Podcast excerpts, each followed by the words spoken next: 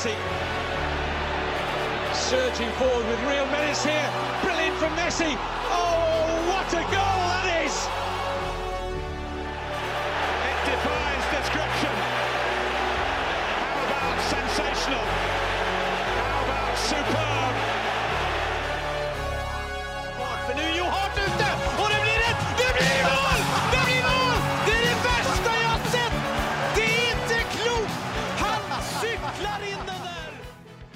Ja!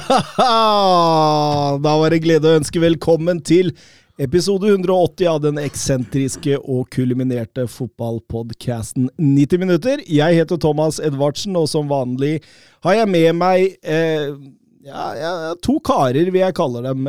Den ene Mannen som aldri går glipp av tikornersmarkedet på Spar, men nekter å betale for bæreposene, Mats Granvold. Hei.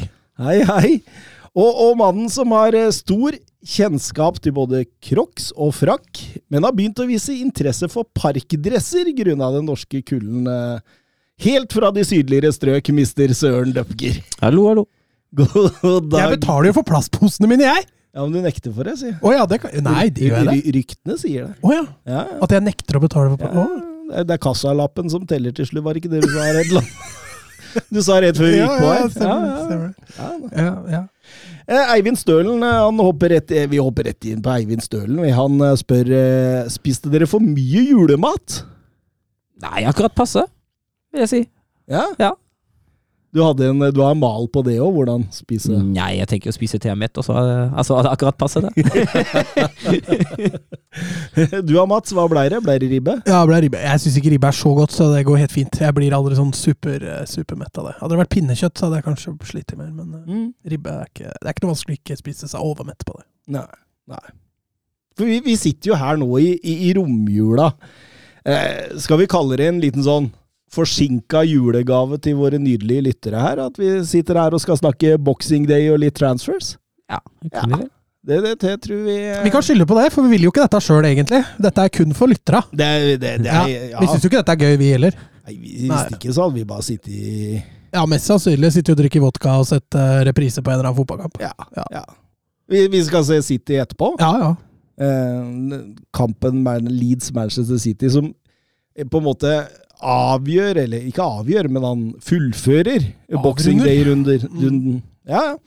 Em, fikk du noe fint til jul da, Døpker? Ja, jeg fikk uh, gavekort på danskebåten, og så fikk jeg, uh, fikk jeg diverse drikkevarer. Veldig fint. Veldig fornøyd. Drikkevarer, sier du? Ja, så uh, øl, og, øl og whisky og Ja, ok. det, det, det. De, Og så, og så ble det du kjenner ditt publikum, for å si det sånn?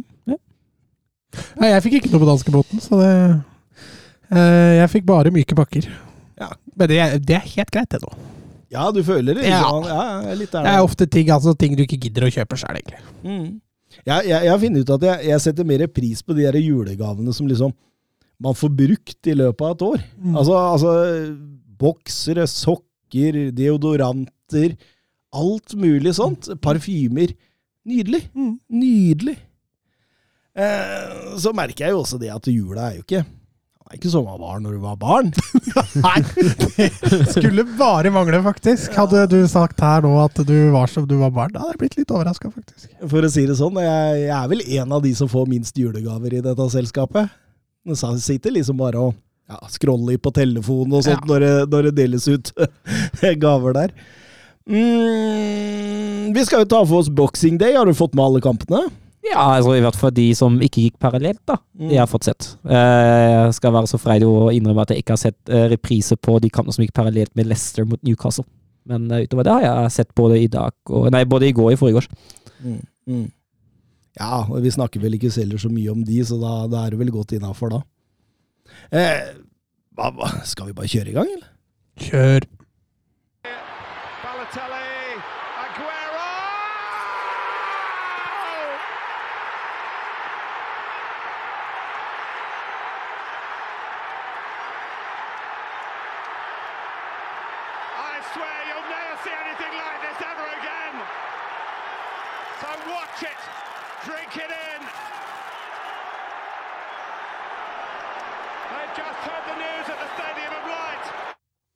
Og vi begynner eh, boxing day-runden vår på Vitality. Brentford eh, mot eh, Tottenham. Conte var ute i julen og slakta FA, som hadde satt opp boxing day-runde etter VM.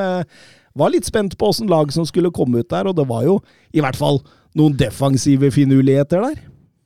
Ja da, altså Tottenham Altså Tottenham hadde jo noen spillere som spilte helt til siste slutt i VM, så de, de valgte jo annet å, å hvile Loris. Og så tror jeg nok Tanganga hadde imponert såpass i, i VM-pausen at han fikk en startplass der. Mm. Har nok vært ganske god på trening, for jeg, jeg tror ikke Conte stoler på Sanchez. Så. Nei, han gjør jo åpenbart ikke det. Uh, nå har jo ikke Tanganga i den kampen gitt noe videre grunn til å stole mer på ham heller, da.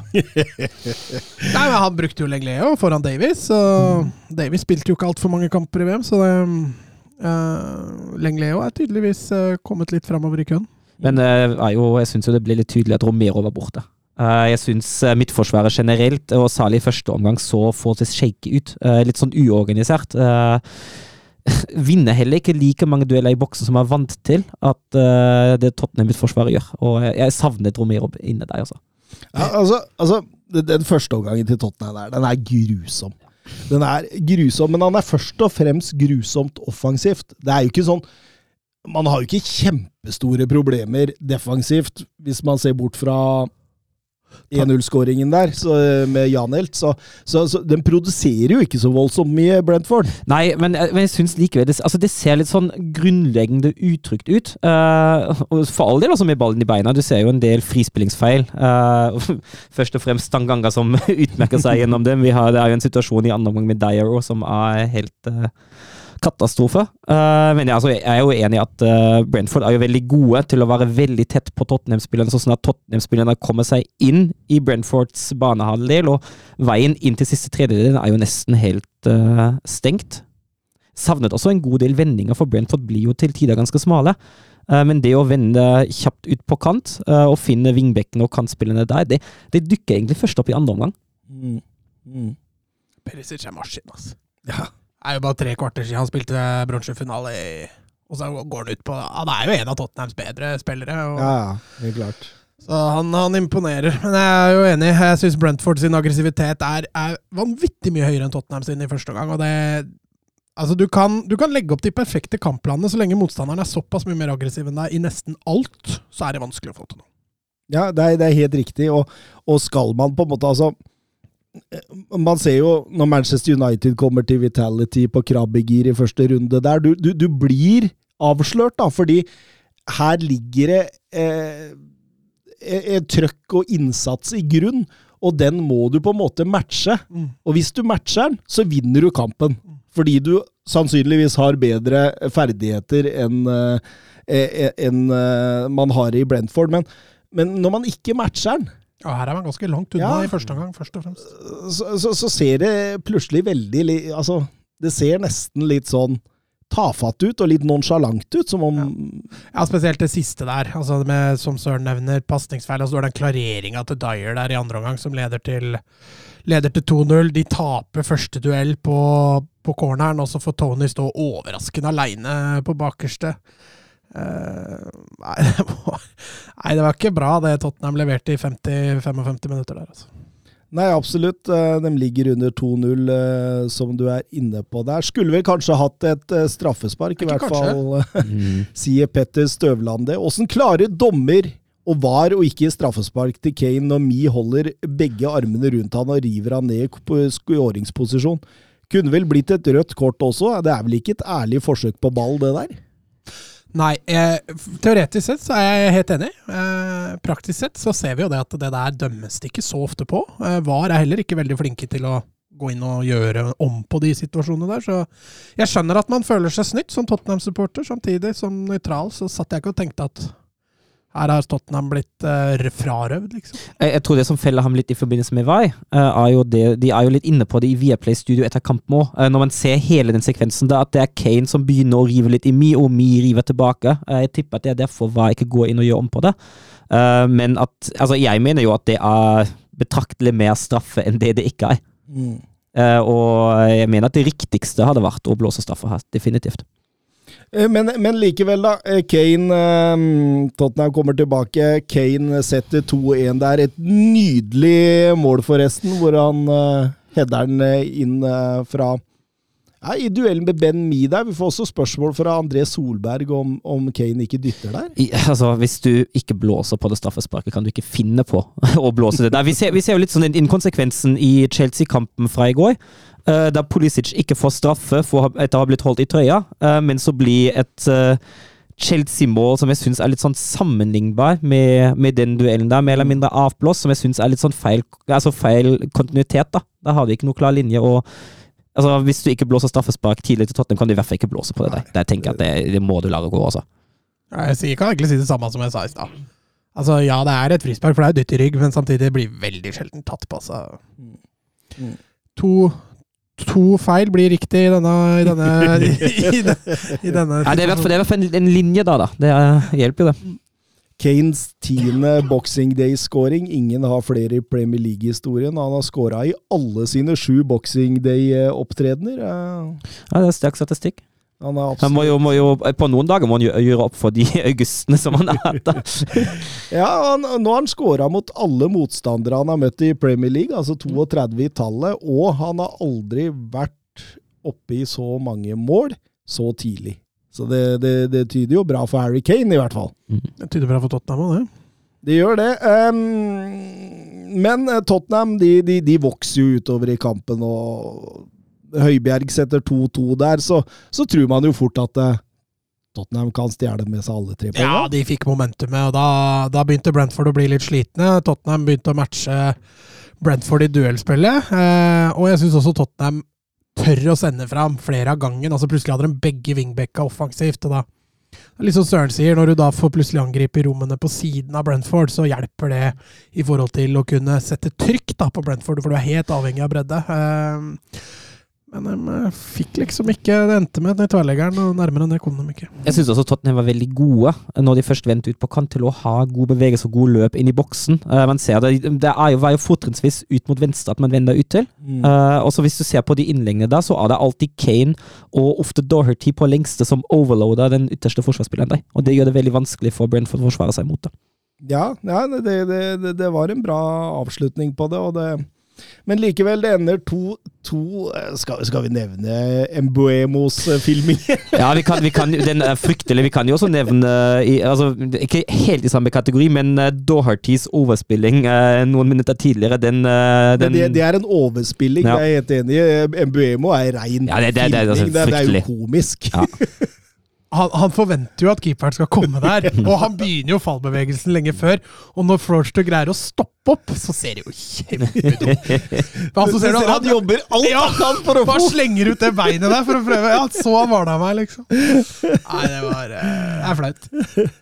Et Twitter-spørsmål også fra Vebjørn Fredheim. Hvordan tolke Contes sitat? Vi vil forsøke oss på markedet, men vi må følge klubbens plan. Det er å investere i unge spillere med normale lønninger, som vi gjorde med Kulisevskij og Bentakor.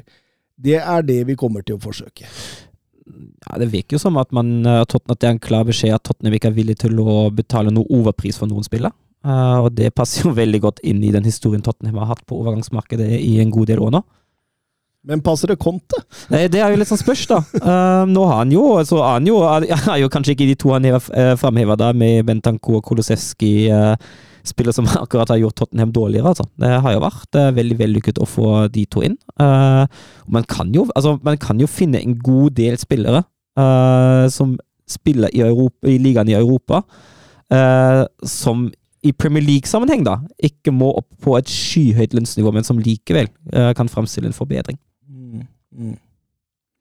Ja, altså jeg, jeg føler liksom Det kan tolkes både som at han innfinner seg med klubbens politikk, og det kan tolkes som om at eh, det ikke blir så lett å forsterke eh, om ikke klubben endrer planene sine. Eh, og da veit jo man åssen Conte er. Eh, så så den, den er litt vanskelig, men han er veldig opptatt av at han er fornøyd for tida, da. Så Det er litt vanskelig å lese den. Han er, han er litt sånn holder Ja. tett, korta tett inntil, og så er det, sier han mye som kan tolkes. Altså, altså er det jo noe med det, altså hvis, hvis Conte nå går ut og sier at ja, ja, vi skal, vi skal forsterke, vi skal splæsje penger, så blir det jo en utrolig vanskelig forhandlingsposisjon med eventuelle avgivende klubber. Ja, det er klart det. Det er klart. Ja, så er det jo sånn Er, Tottenham økonomisk sterke nok til å kjøpe en Gakpo, liksom? Nei, jeg tror ikke de kan eh, De Nei, kan altså, ikke det er jo der, der nivået ligger nå i januar, så da er det jo klart, da, da blir det vanskelig. De, de, de kan nok hente en 500 millioners spiller, men det, jeg tror ikke de kan konkurrere med lønningene de kan gi denne 500 millioners spilleren, som Liverpool kan, som Chelsea, Newcastle Nei, nei jeg tror ikke det. Jeg tror ikke det. Em, vi går over til Leicester mot eh, Newcastle. Eh, det var jo to indre og vekk med dem, egentlig. Det, det begynte forferdelig for et Leicester som egentlig har vært bunnsolide defensivt de siste Ja, Det var to lag som har vært eh, bra før VM-pausen, og så var det ett lag som fortsatte, og et annet lag som gikk i helt feil retning. Newcastle de gikk rett i strupen, og Leicester gir jo bort. Vær så god, her skal dere få lov å starte med 1-0. Et eh, vanvittig klønete straffespark av av Amartey der, som banker ned Joe Linton. Det er jo årets klareste straffespark. Eh, og da, altså Når du starter kampen på 0-1 mot Newcastle, altså, det er jo en kjempejobb du har foran deg. Altså. Ja, og når, når de da begynner å spille fotball som de gjør da, som f.eks. på 0-2-skåring, så eh, da, Altså, den 0-2-skåringen, den er jo det er drømmeangrep. Det er jo, det er jo helt fantastisk. Ja, Vending, vektspill, gjennombrudd, det altså altså Gå fort framover, og så har du da en Almiron da, som aldri har spilt bedre enn det han gjør nå, som gjør det han gjør når han setter opp, eh, setter opp en nydelig vegg der og bare glir gjennom som varm kniv i smør. Det er jo helt uh, er kjempevakkert, og Newcastle kan forsvare seg, altså. Ja, altså, de, de ser jo fryktelig komfortable ut utover. Uh, de tar de kontringene som de kan ta, uh, for all del, men angriper uten den aller største risikoen. og Ligger trygt, og Leicester kommer seg jo ikke til egentlig noen større sjanse, i, i hvert fall ikke i første omgang. Det er, det er veldig balansert og trygt, og det ser så solid ut. Og det er, det det er jo eh, Nei, det Kampen er jo i og for seg jevnere enn det 0-3 eh, Ja, men, men, men, Det var den, den, den sjansen til Daka, den, eh, den glemte jeg, ja. Men ja. men, men det er likevel det er så god flyt i alt de gjør. Ja, de har, de har medvind, det, det er ingen tvil om, Newcastle. Eh, men, men de fortjener det også, på en måte. For det eh, organiseringa Newcastle har, da, spesielt defensivt, når de bare kan ligge og ta imot altså, det, er, det er ikke så mange lag i Premier League som har den organiseringa nå. De er så bevisste offensivt. altså Joe Linton har fått en litt ny rolle som han mestrer utmerket. Eh, Almiron altså Eddie Howe har virkelig fått i gang spillere som har lugga for tidligere i år. altså. Og så kommer jo 3-0-skåring akkurat på riktig tidspunkt. Da kommer en periode der Leicester begynner å få litt grann tak i det. Litt grann. Eh, kommer seg litt inn i kampen og begynner å se litt farlig ut, og så er det 3-0 i sekken, og da, da er det egentlig kjørt. Ja, det er klart det. Det, det er kjørt. Eh, Newcastle vinner ganske greit til slutt, og, og, la, og lar seg ikke stresse mot slutten der. Og, Eivind Stølen eh, spør på Twitter holder Newcastle løpet om topp fire helt ut på oppløpssiden, eller får de en stav i magen rett før siste indre som gjør at de må ta takke med Europa League, Conference League eller ingen av delene? Ja, Det er jo det som blir det spennende spørsmålet nå i forbindelse med Newcastle eh, denne våren. Eh, det ser jo veldig solid og bra ut nå. Eh, samtidig tenker jeg at hvis man ser på, på troppen til Newcastle og sammenligner den med de andre topp fire-lagene, så er det, det er ikke helt den samme kvaliteten der, altså. Det kommer inn en spiller eller to i januar òg, vet du. Da Men- blir både bredden og kvaliteten antakeligvis litt større. Jeg sier ikke at det tipper det mot at Newcastle eh, nødvendigvis klarer Champions League, for det har jeg fortsatt ikke troa på, men ah, altså, det ser så solid ut, og det, de har virkelig fått til et grunnspill altså, som er eh, vanskelig å bryte ned, og du Altså, de, de, de, de får det til å se lett ut mot eh, lag midt på tabellen. De, de gruser laga i bånn, og de spiller jevnt med laga i toppen. Og det, det er som regel en fasit for å komme ganske høyt, det, altså. Ja, ja, absolutt. Eh, Dessuten så venter de jo på spillere som Sant Maximæ og, og Alexander Isak. Eh, De har kjøpskraft som i januar, som du er inne på, Mats. Eh, Nei, det, det, det, det, er, det, er, litt spennende, men, men samtidig så tror jeg det kan slå positivt ut at de er et av de få lagene oppi der som ikke må ha Champions League. Og de har ikke noe annet enn Premier League. Nei, ikke sant? Og, og, og, liksom, de, de har mye mindre å tape. Skuldrene kan være lavere. Nettopp fordi klubben har uttalt at de skal ta dette steg for steg, og det er ingen som forventer noe topp fire eh, denne sesongen uansett. Eh, jeg så det var enkelte på Twitter som var ute og sa noe at eh, ja, det er synd sportswashinga virker så fort, men jeg mener jo det er helt feil. At man har lidd under mange år under Mike Ashley, da. Og, og, og han hadde penger nok han til å kunne hente Båtmann, Jim Ares og Isak. eh, Dette er mer Eddie Howe enn det er eh, sportswashing, altså. Ja, altså Newcastle har jo ikke troppen. altså Når du ser den troppen, så tenker du ikke umiddelbart topp fire-kamp. Nei, det er jeg helt enig med deg. Og Eddie Howe har virkelig men det var det jeg innleda med å si, at Eddie Howe har virkelig fått dette i, i, i form og farge rimelig kjapt. altså. Og det er, det er veldig imponerende. altså Jeg tror ikke vi skal jeg tror ikke vi skal skylde på sportswashing for at Newcastle kjemper eh, De er jo bare sju poeng bak Arsenal, liksom, så det er ikke sportswashing sin skyld det etter halvannen sesong. altså. Hva var eh, Fabian Skjær i fjor, da?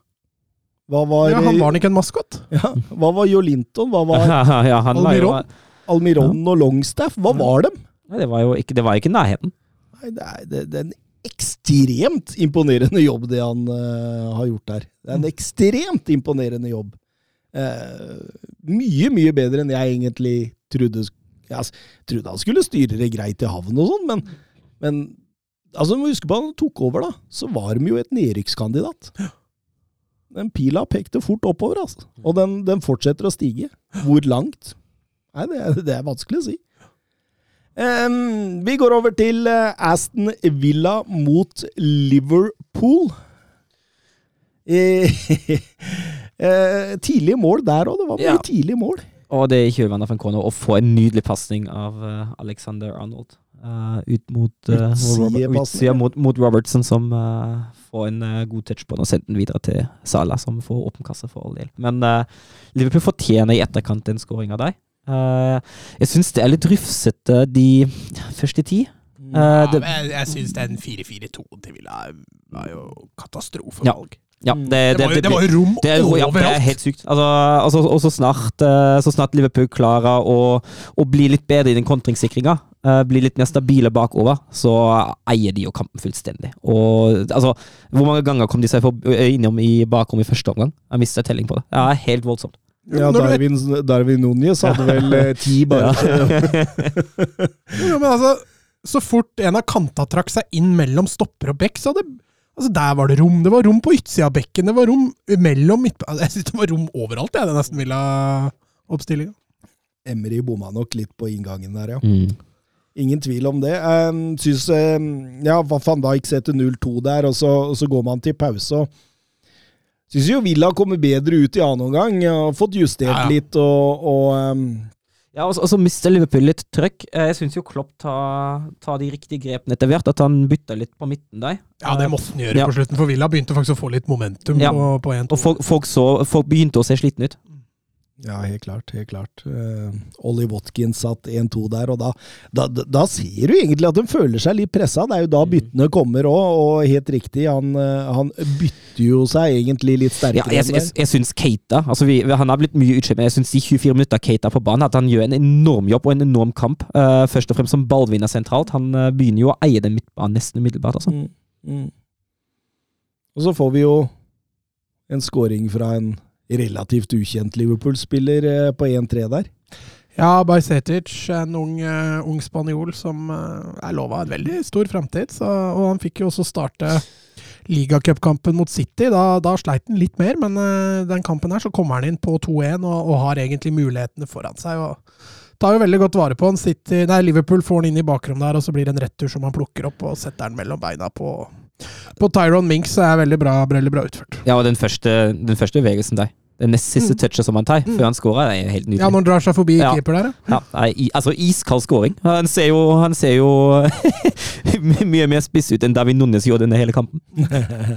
Darwin Nunes hadde en bra match. Jo, jo, jo, men ikke som spiss. Nei, som en målskårer, så er jeg enig. Der hadde han utfordringer. Nest yngste spanjol med mål i Premier League. Hvem er den yngste? Fabregas. Helt riktig, Mats. Ti poeng til deg! Yes! Eh, men eh, nei, jeg syns jo det var en helt grei Liverpool-kamp. Eh, syns kampen også belyser litt av Aston Villa sitt problem. At de har et stort stoppeproblem, og de har en, et, rett og slett et målskårerproblem. Ings er langt unna. Watkins trenger ti sjanser for å skåre. Han, er- han er Altså, Watkins det, det, det er et mysterium. Jo, men altså, Watkins tror jeg hadde vært enda bedre hadde han hatt en spiss til ved siden av seg. Ja. Altså, Bailey er ingen spiss, det sier man jo. Det er jo mange bommer på ballen i avslutningsposisjon i den kampen her. Altså, det er jo Altså, De har en XG, kunne hatt en mye høyere XG hvis de hadde hatt to målskårere på banen. Jeg tror Watkins kunne hatt veldig godt utnytta av å ha hatt en rein spiss ved siden av seg. Mm. For han mer rom, og den spissen ved siden av tror jeg kunne skåret enda flere mål. Ja, for det Altså, Altså, så lenge de skal spille 4-4-2. Du føler jo at Watkins Han har jo mange kvaliteter. Mm. Han er jo en, liksom en, på en måte en sånn Altså, det, det, jeg, jeg tenker jo han på mange måter er en treneres drøm, for han har så mye kvaliteter. Han Attributter. Har, ja, ja. Eh, Men, men så er, gjelder det også å få det ut, da, og ha kyla når han må. Og der, der går det ikke alltid like bra. Nei, han, han, men jeg synes også, hvis det er én ting han også kan forbedre, så er det jo posisjoneringsspillet i boks. Mm. For han er god i duellspillet, han er god én mot én, eller forholdsvis god én mot én. Han er god som førsteforsvarer, god i duellspillet. eh, Men posisjonering i boks, og ikke minst avslutningsegenskaper, der har han et forbedringspotensial. Oskar Carveio Holm, eh, hva tenker dere om restarten til Liverpool? Var det ny trøkk og energi, eller var det som før VM? Nei, altså Det gikk litt opp og ned. Ja, jeg syns litt bob-bob. Altså, nå var det jo Jørgen Knutsen som i kjølvannet av den forrige episoden etterlyste en sånn bob-bob-spalte. Jeg syns eh, Liverpools energi kan havne i den eh, bob-bob-spalten i dag, altså. Uh, Har vi hatt en Bob-Bob-spalte? Ja, Jeg har aldri hatt en bob-bob-spalte. Har du det? Nei, nå, nå Ja, vi skal det, ha var det vel, nå. det var vel et eh, Bob-team Friedrich? Ja, Var det ja, sånn, ja. Okay. Så skulle vi ha en uh, bob-bob-spalte nå. All right, da tok jeg den! Men kan ikke du lage en Bob-Bob-spalte Ja, gjør framover? nå. Ja, Ja, du begynner nå, ja, ja. ja, greit. Skal du ha, intro, eller? Nei. Det var sesongens første Bob-Bob. Ja, nei, jeg syns jo, jeg syns jo til tider ser det veldig bra ut. Uh, store deler av første omgang uh, syns jeg det er mye energi og god press, Uh, og det er jo en grunn til at Liverpool har så god kontroll, at den kontringssikringa og presspillet fungerer såpass godt tidlig. Um, men det holder ikke hele kampen. Uh, og i andre omgang, også før 2-1, uh, altså før byttene kommer, begynner jo, begynner jo Liverpool å få litt problemer i akkurat de fasene der. Uh, men jeg vil jo si at det ser forbedret ut, ut ifra det vi har kritisert eh, på sitt verste i løpet av, for- av høsten. Hva- men hva var det Emery sa til Kamara egentlig i pausen?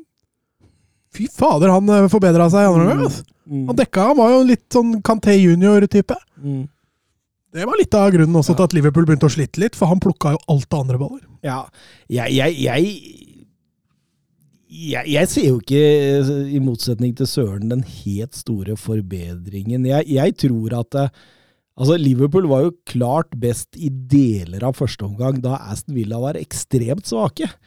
Og, og ga bort ekstremt mye rom. og eh, Du ser jo når Aston Villa begynner på en måte å ta litt mer hensyn og tar opp uh, hanska litt mer utover i annen omgang der, så, så, så sliter de. Men jeg, jeg syns det ser nesten like ustabilt ut som det gjorde før VM.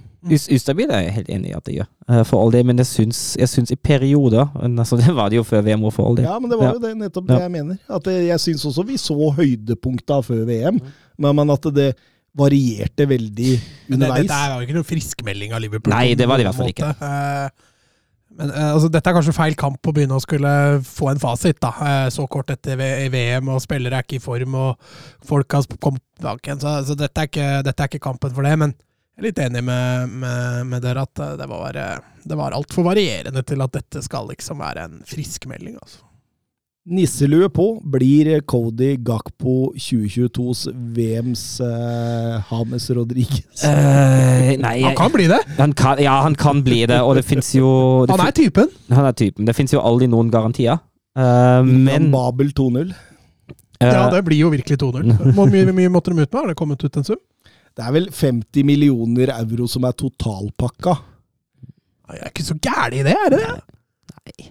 Potensialet til Gakpo Ja, er er skyhøyt. skyhøyt. Ja. Mm. Men det er jo alltid, aldri noen uh, garantier. Men han kommer inn uh, til en trener som, som er kjent til å kunne Til, til å gi spillerne de riktige arbeidsoppgaver ut ifra roller. Han kommer inn i en spillestil som bør passe ham ganske så godt. Uh, han har en god del ferdigheter som dette Liverpool-laget kan ha godt nytte av.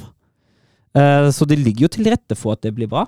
Men som sagt, garantier finnes jo for all del ikke. Og det er jo, det er jo en overgang fra Ares Division til eh, Premier League. Han er, han er ganske komplett. Ja, han er det. Vet du hva min første tanke var? Nei. Her kjøper Liverpool en spiller for tre måneder.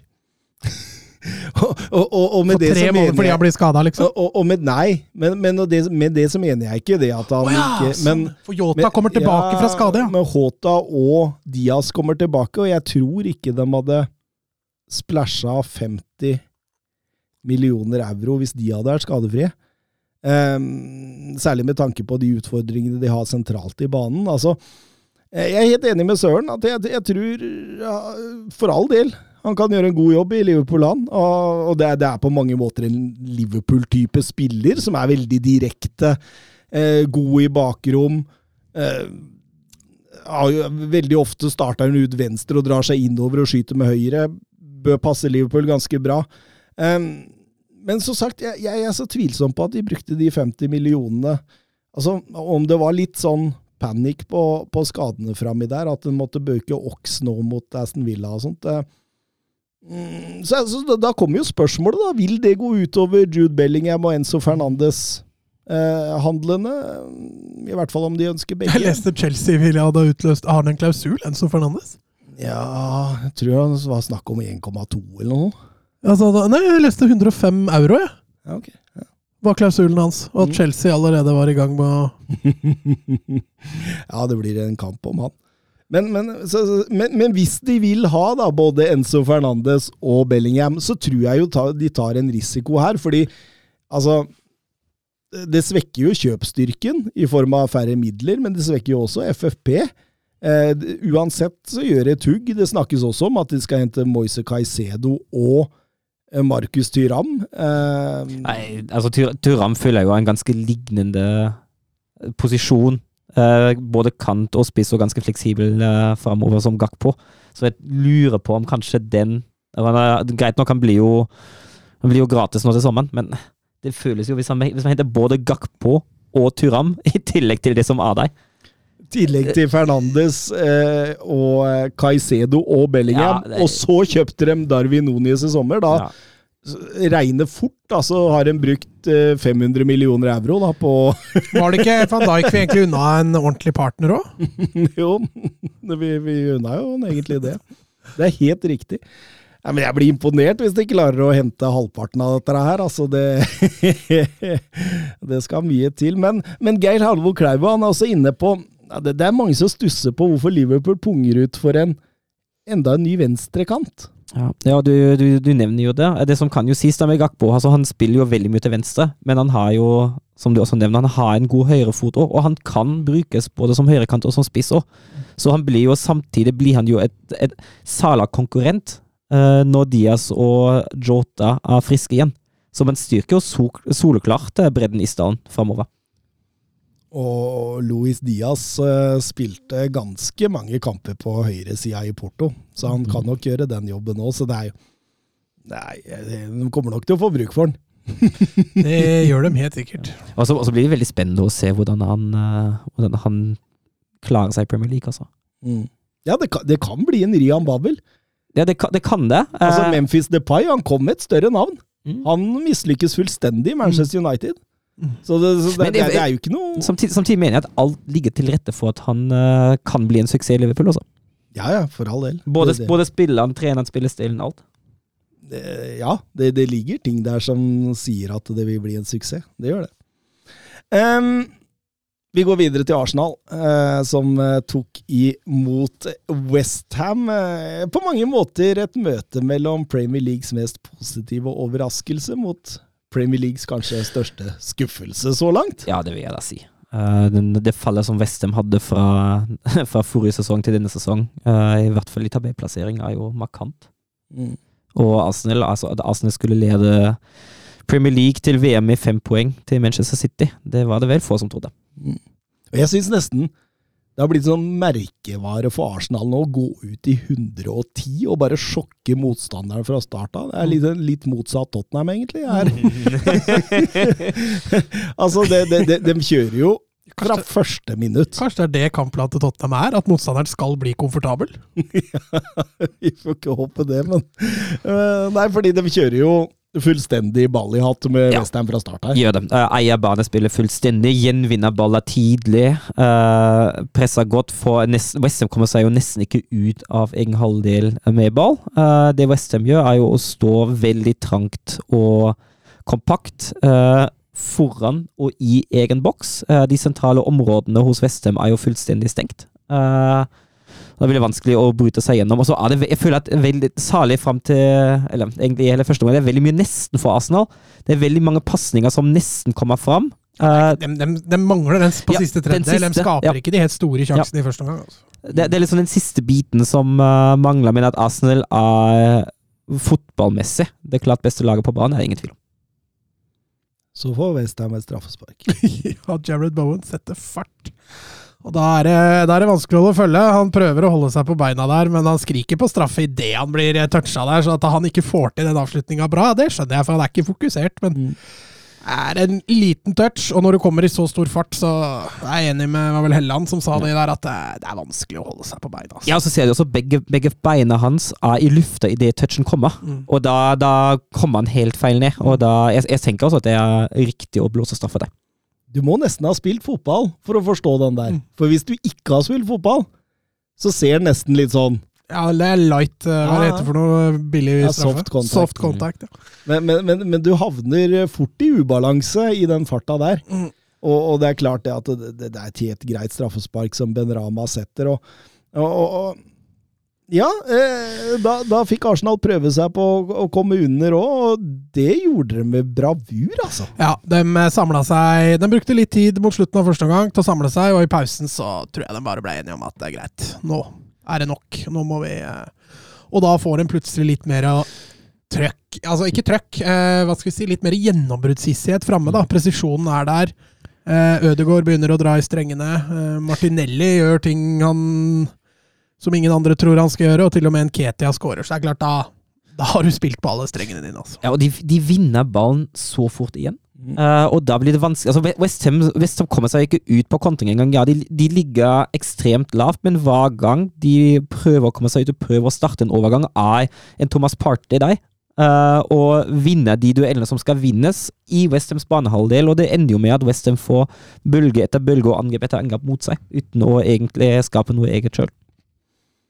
Vi uh, har sagt at Arsenal er et lite mini-Manchester City, og Mm. Arteta er en liten mini eh, Pep Guardiola, og du, du ser jo det utover her at det er, jo, det er jo mye av det du kjenner igjen i Manchester City som, som foregår i Arsenal her. og det Nei, det, det er ekstremt imponerende, det de gjør, faktisk. Eh, Både med ball, i, i, i presset, i gjenvinningsfasen. Eh, ekstremt balansert. Eh, Westham, altså Jeg veit ikke, altså. Vi fikk et spørsmål fra, fra Fredrik Konradsen. Har ikke Westham et for godt lag til å bare ligge dypt og kalke langt på Antonio? Og, det er litt det, det jeg tenker på. At det, at her må Westham bare komme seg fram i banen og skaffe trøbbel i en annen fase. Fordi de, de skjønner i Altså, de, de blir jo overspilt hele veien. Det, det, det vil ta slutt. Ja, altså, altså tenker jeg altså, Ja, de er helt enig at de har et bedre lag enn som så. Altså, Declan Rice, Antonio Bowen, Ben Rama, det er paketer. Det er, det er ikke dårlige fotballspillere, det der. De spiller jo alltid som om de skal være Ja, men det, det, det tror jeg skyldes han som sitter på benken, altså. Jeg tror det er da problemet ligger. At ja, laget er klart bedre enn det, men jeg er dypt, dypt usikker på om manageren er bedre enn det. Ja, vi sa vel det før sesongen, at Moise han eh, Det er når han skal bygge videre på det han nå har bygd opp, at det, det er et tak, og at Westham kanskje allerede i sommer burde kvitta seg med, med Moyes. Ja, nei, de, de gjør ikke enkelt for seg utover i, i uh, omgangen her, i hvert fall. Og, ja. Nei, det er som du sier, selv Nketia skårer, og da, da vinner jo Arsenal 3-1 ganske greit. Det er litt, litt morsomt med den skåringen, for jeg syns egentlig, altså særlig i første omgang, tenkte jeg eh, tenkte jeg at åh, Arsenal savner litt Gabriel Jesus i spillefasen. Men om han hadde klart å score på den måten som en Ketia har, det er jeg jammen meg ikke sikker på. Altså. Nei, men samtidig så tror jeg liksom ja, det, er, det er voldsomt dårlig stopperspill. Ja, det er jo det. Der, Det er altså. Og, og, og hvis, han, hvis ikke Nketia får den, så, så, så vil det stille spørsmålstegn igjen rundt det. Så, så det, det det er jo veldig marginalt, dette her. Jeg står fortsatt på det at eh, Arsenal burde hente en, et alternativ der eh, fremme. Men eh, for, så vidt, han, han, han gir jo jernet. Han gir jo 100% Han prøver alt han kan. Det er ikke noe det er ikke noe å vinne ligagullspiss med. Så, så Nei, altså, altså er han, er jo vesentlig mindre involvert i spillefasen enn det Gabriel Jesus har vært. Mm, Og jeg føler at det er litt sånn da Arsenal kanskje taper det meste, for Jesus var jo ikke en storskårer, han heller. Men han skapte veldig veldig mye for sine medspillere offensivt. Og jeg ser ikke helt det samme hos Nketia. Men Nketia truer også noen rom som Jesus ikke truer, da. Mm. For eh, Jesus blir jo fort veldig dyp.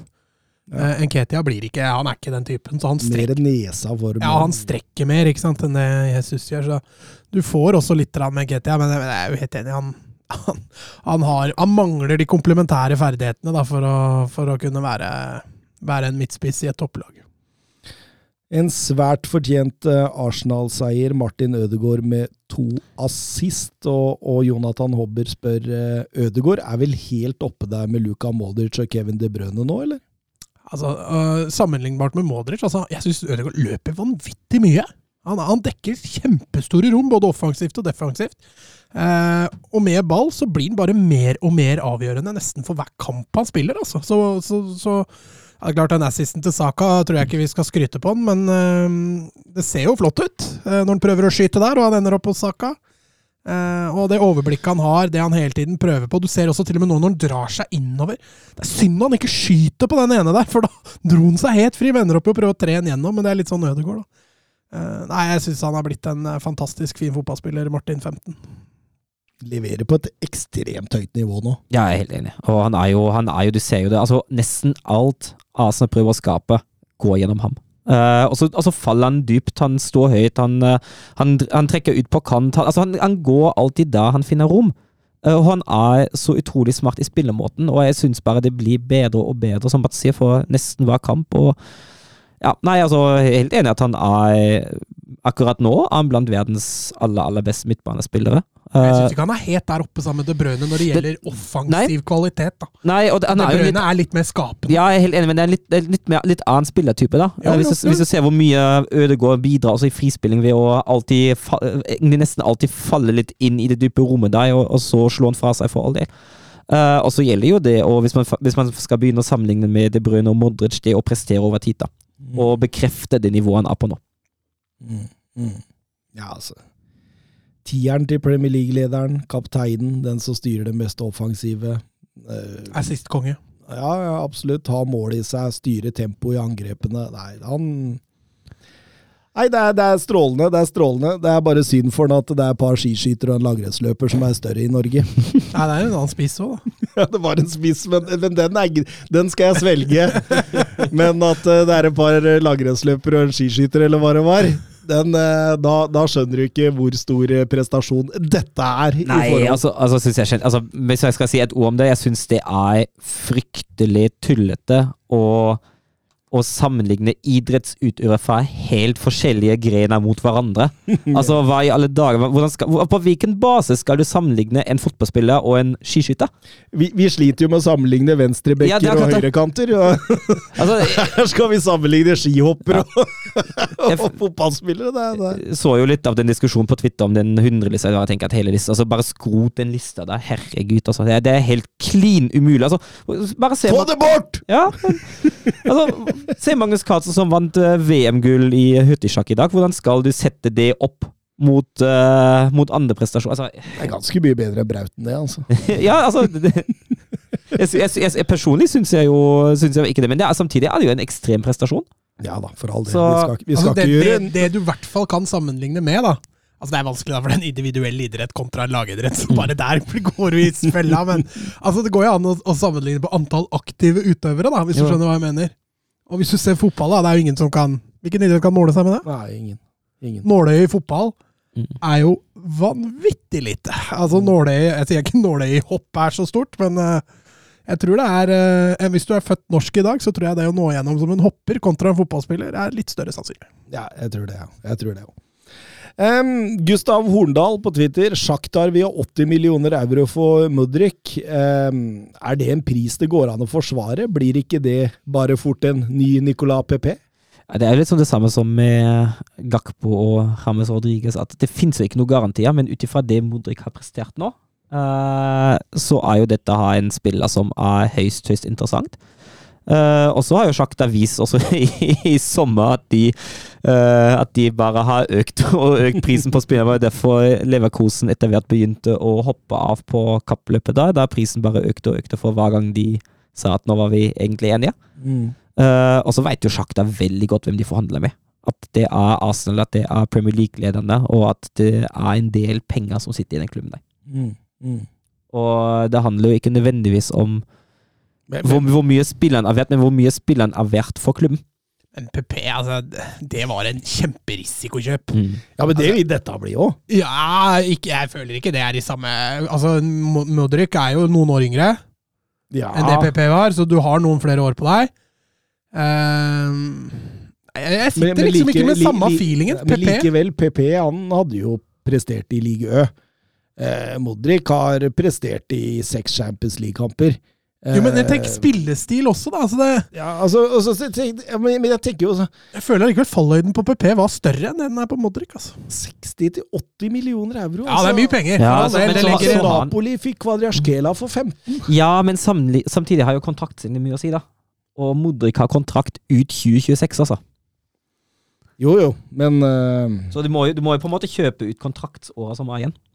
Skal ikke si meg helt sikkert. Kvadraskela hadde vel bare et år eller noe sånt, nå, for han gikk jo mm. tilbake igjen. Uh, men men altså, Jeg er jo enig at det er svindyrt. Det, han, det kommer, han kommer vel fra Kharkiv, helt oppe ved bare russiske grensa der, liksom. Altså, det er, det, er, det er, jo noen kulturforskjeller, noen livsstilsforskjeller. Altså, det er ikke bare å dra til London og prestere, liksom. Nei, det, det er jo klart at uh, altså, Bare det å komme til Premier League fra en uh, Disse spillere liga. her kosta 20-25 før!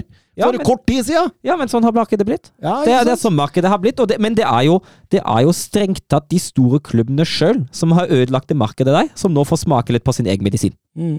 Mm. Men, men hvis sammenligninga er PP, så mener jeg fallhøyden på PP var større. Mener du det, altså? Ja, det mener jeg. Ja, det, det der er jeg ikke helt enig med deg, altså. Håper vi får fasiten. Når er det vi kan ha en ja, fasit? Altså, jeg, Hvis han går jeg, nå jeg, jeg, sier ikke at Mudrik ikke kan bli en god fotballspiller i Arsenal. Det sier jeg ikke. Men, og, og, at han kan bli bedre enn PP. Jo, for all del. Det, det skulle nesten bare mangle, så dårlig PP var. Men eh, altså En som presterer godt i league Ø eh, kontra en som er ganske ny i internasjonal fotball overhodet, og, og, som kommer fra eh, Man kan Ukraina. si han har prestert godt i ukrainsk serie. Det har han. Ja, jo, og i Champions League. Jo, jo, men ukrainsk serie, det tror jeg ikke vi skal Nei, nei, men nå, nå følte jeg du prata PP litt opp, samtidig som du prata Mudrik litt ned. Så jeg vil bare, ha, jeg vil bare ha sammenligninga korrekt her. Men, men, jeg sier bare at risikoen her er vel så stor som PP, kanskje større, mener jeg, da. Altså Pga. alder og spillestil så, så, mener jeg de ikke er en like stor risk. Men altså, jeg er jo samme som med deg. altså Dette kan bli en fiasko. Altså Han kan komme dit og få kultursjokk og bli skada i tre år, og, og, alt kan gå til helvete. Det er det som er det vakre med fotballen, at, at det kan sparke begge veier. Men jeg sitter med en følelse av at Modric kan bli en, en, en, klasse, liksom. kan bli en jævlig god investering.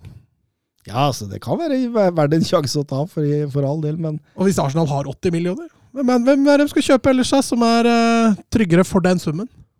80? Ja. Da ville jeg kjøpt Rein nier, tror jeg.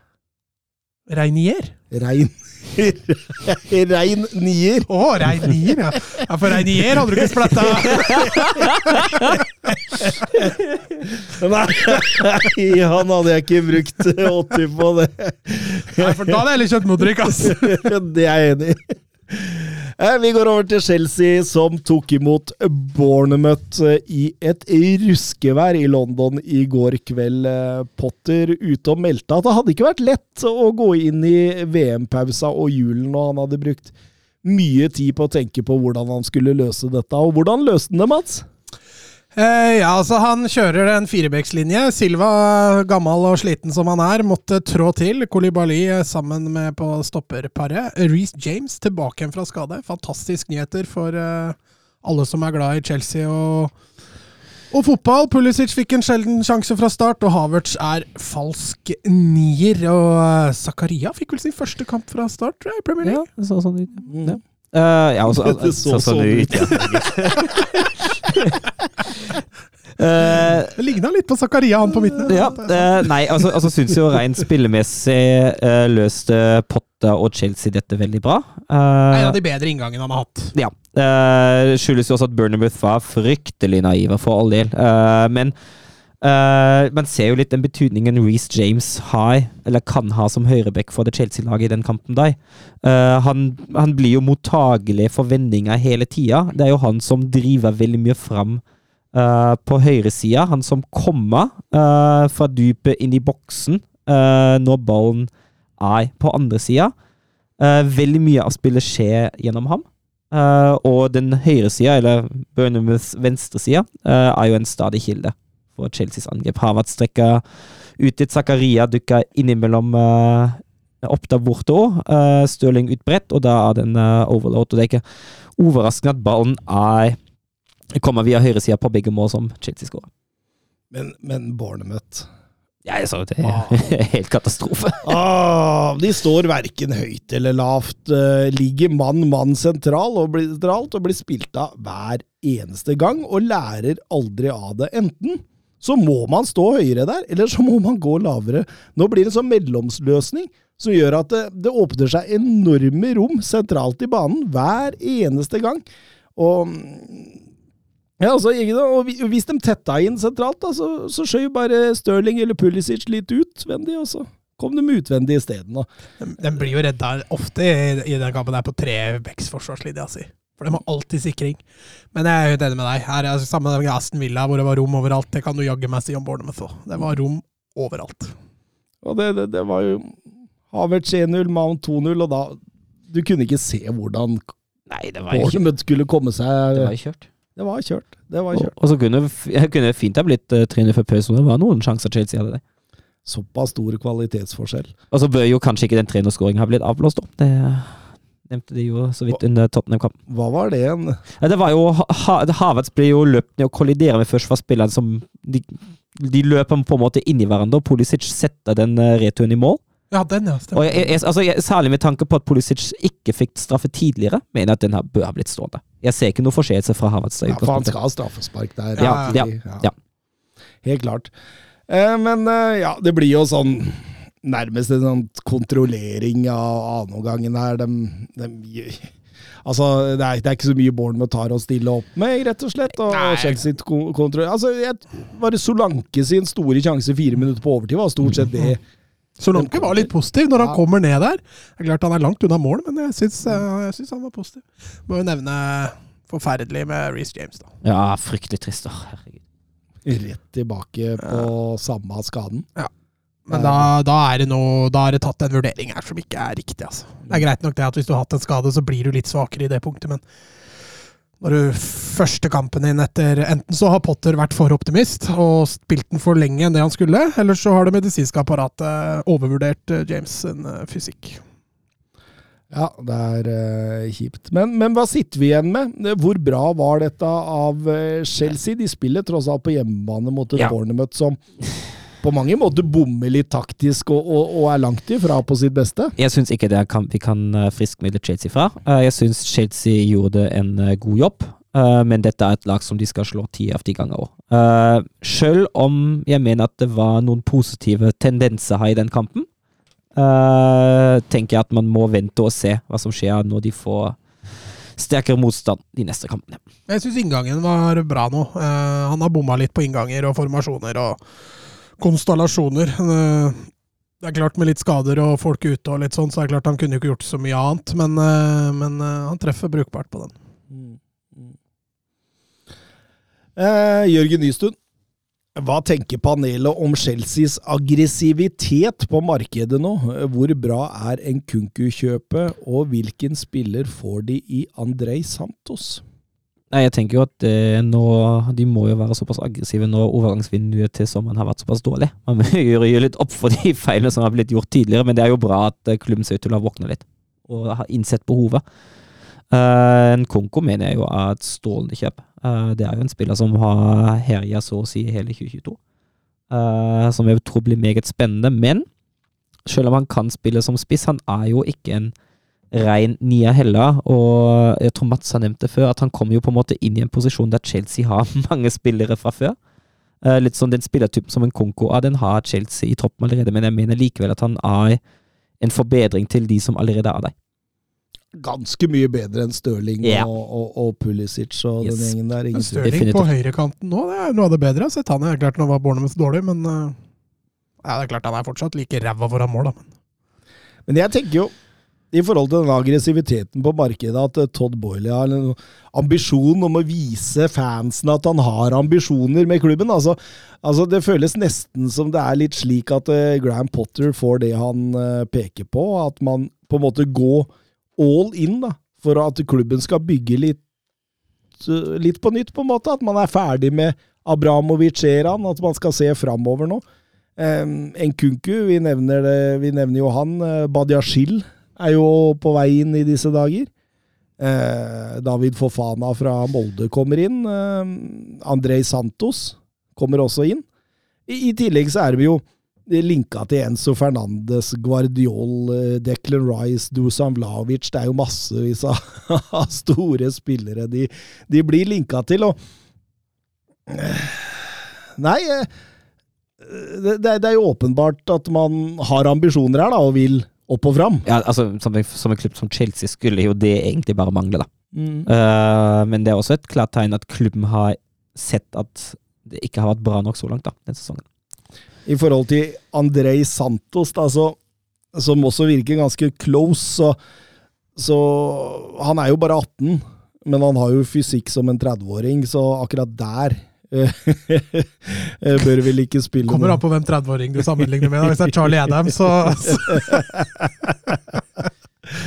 Men han, han er en sånn Altså, en sånn stor radius, bra fysikk, bra duellkraft. Altså, eh, samtidig raffinert nok til å, å kunne gjøre ting med ballen, ta med seg kula framover. Har et fint steg og, og godt trøkk i spillet. Ikke veldig ulik Dennis Zakaria, faktisk. Bare jeg tror nok potensialet er vesentlig mye større der enn hos eh, Zakaria.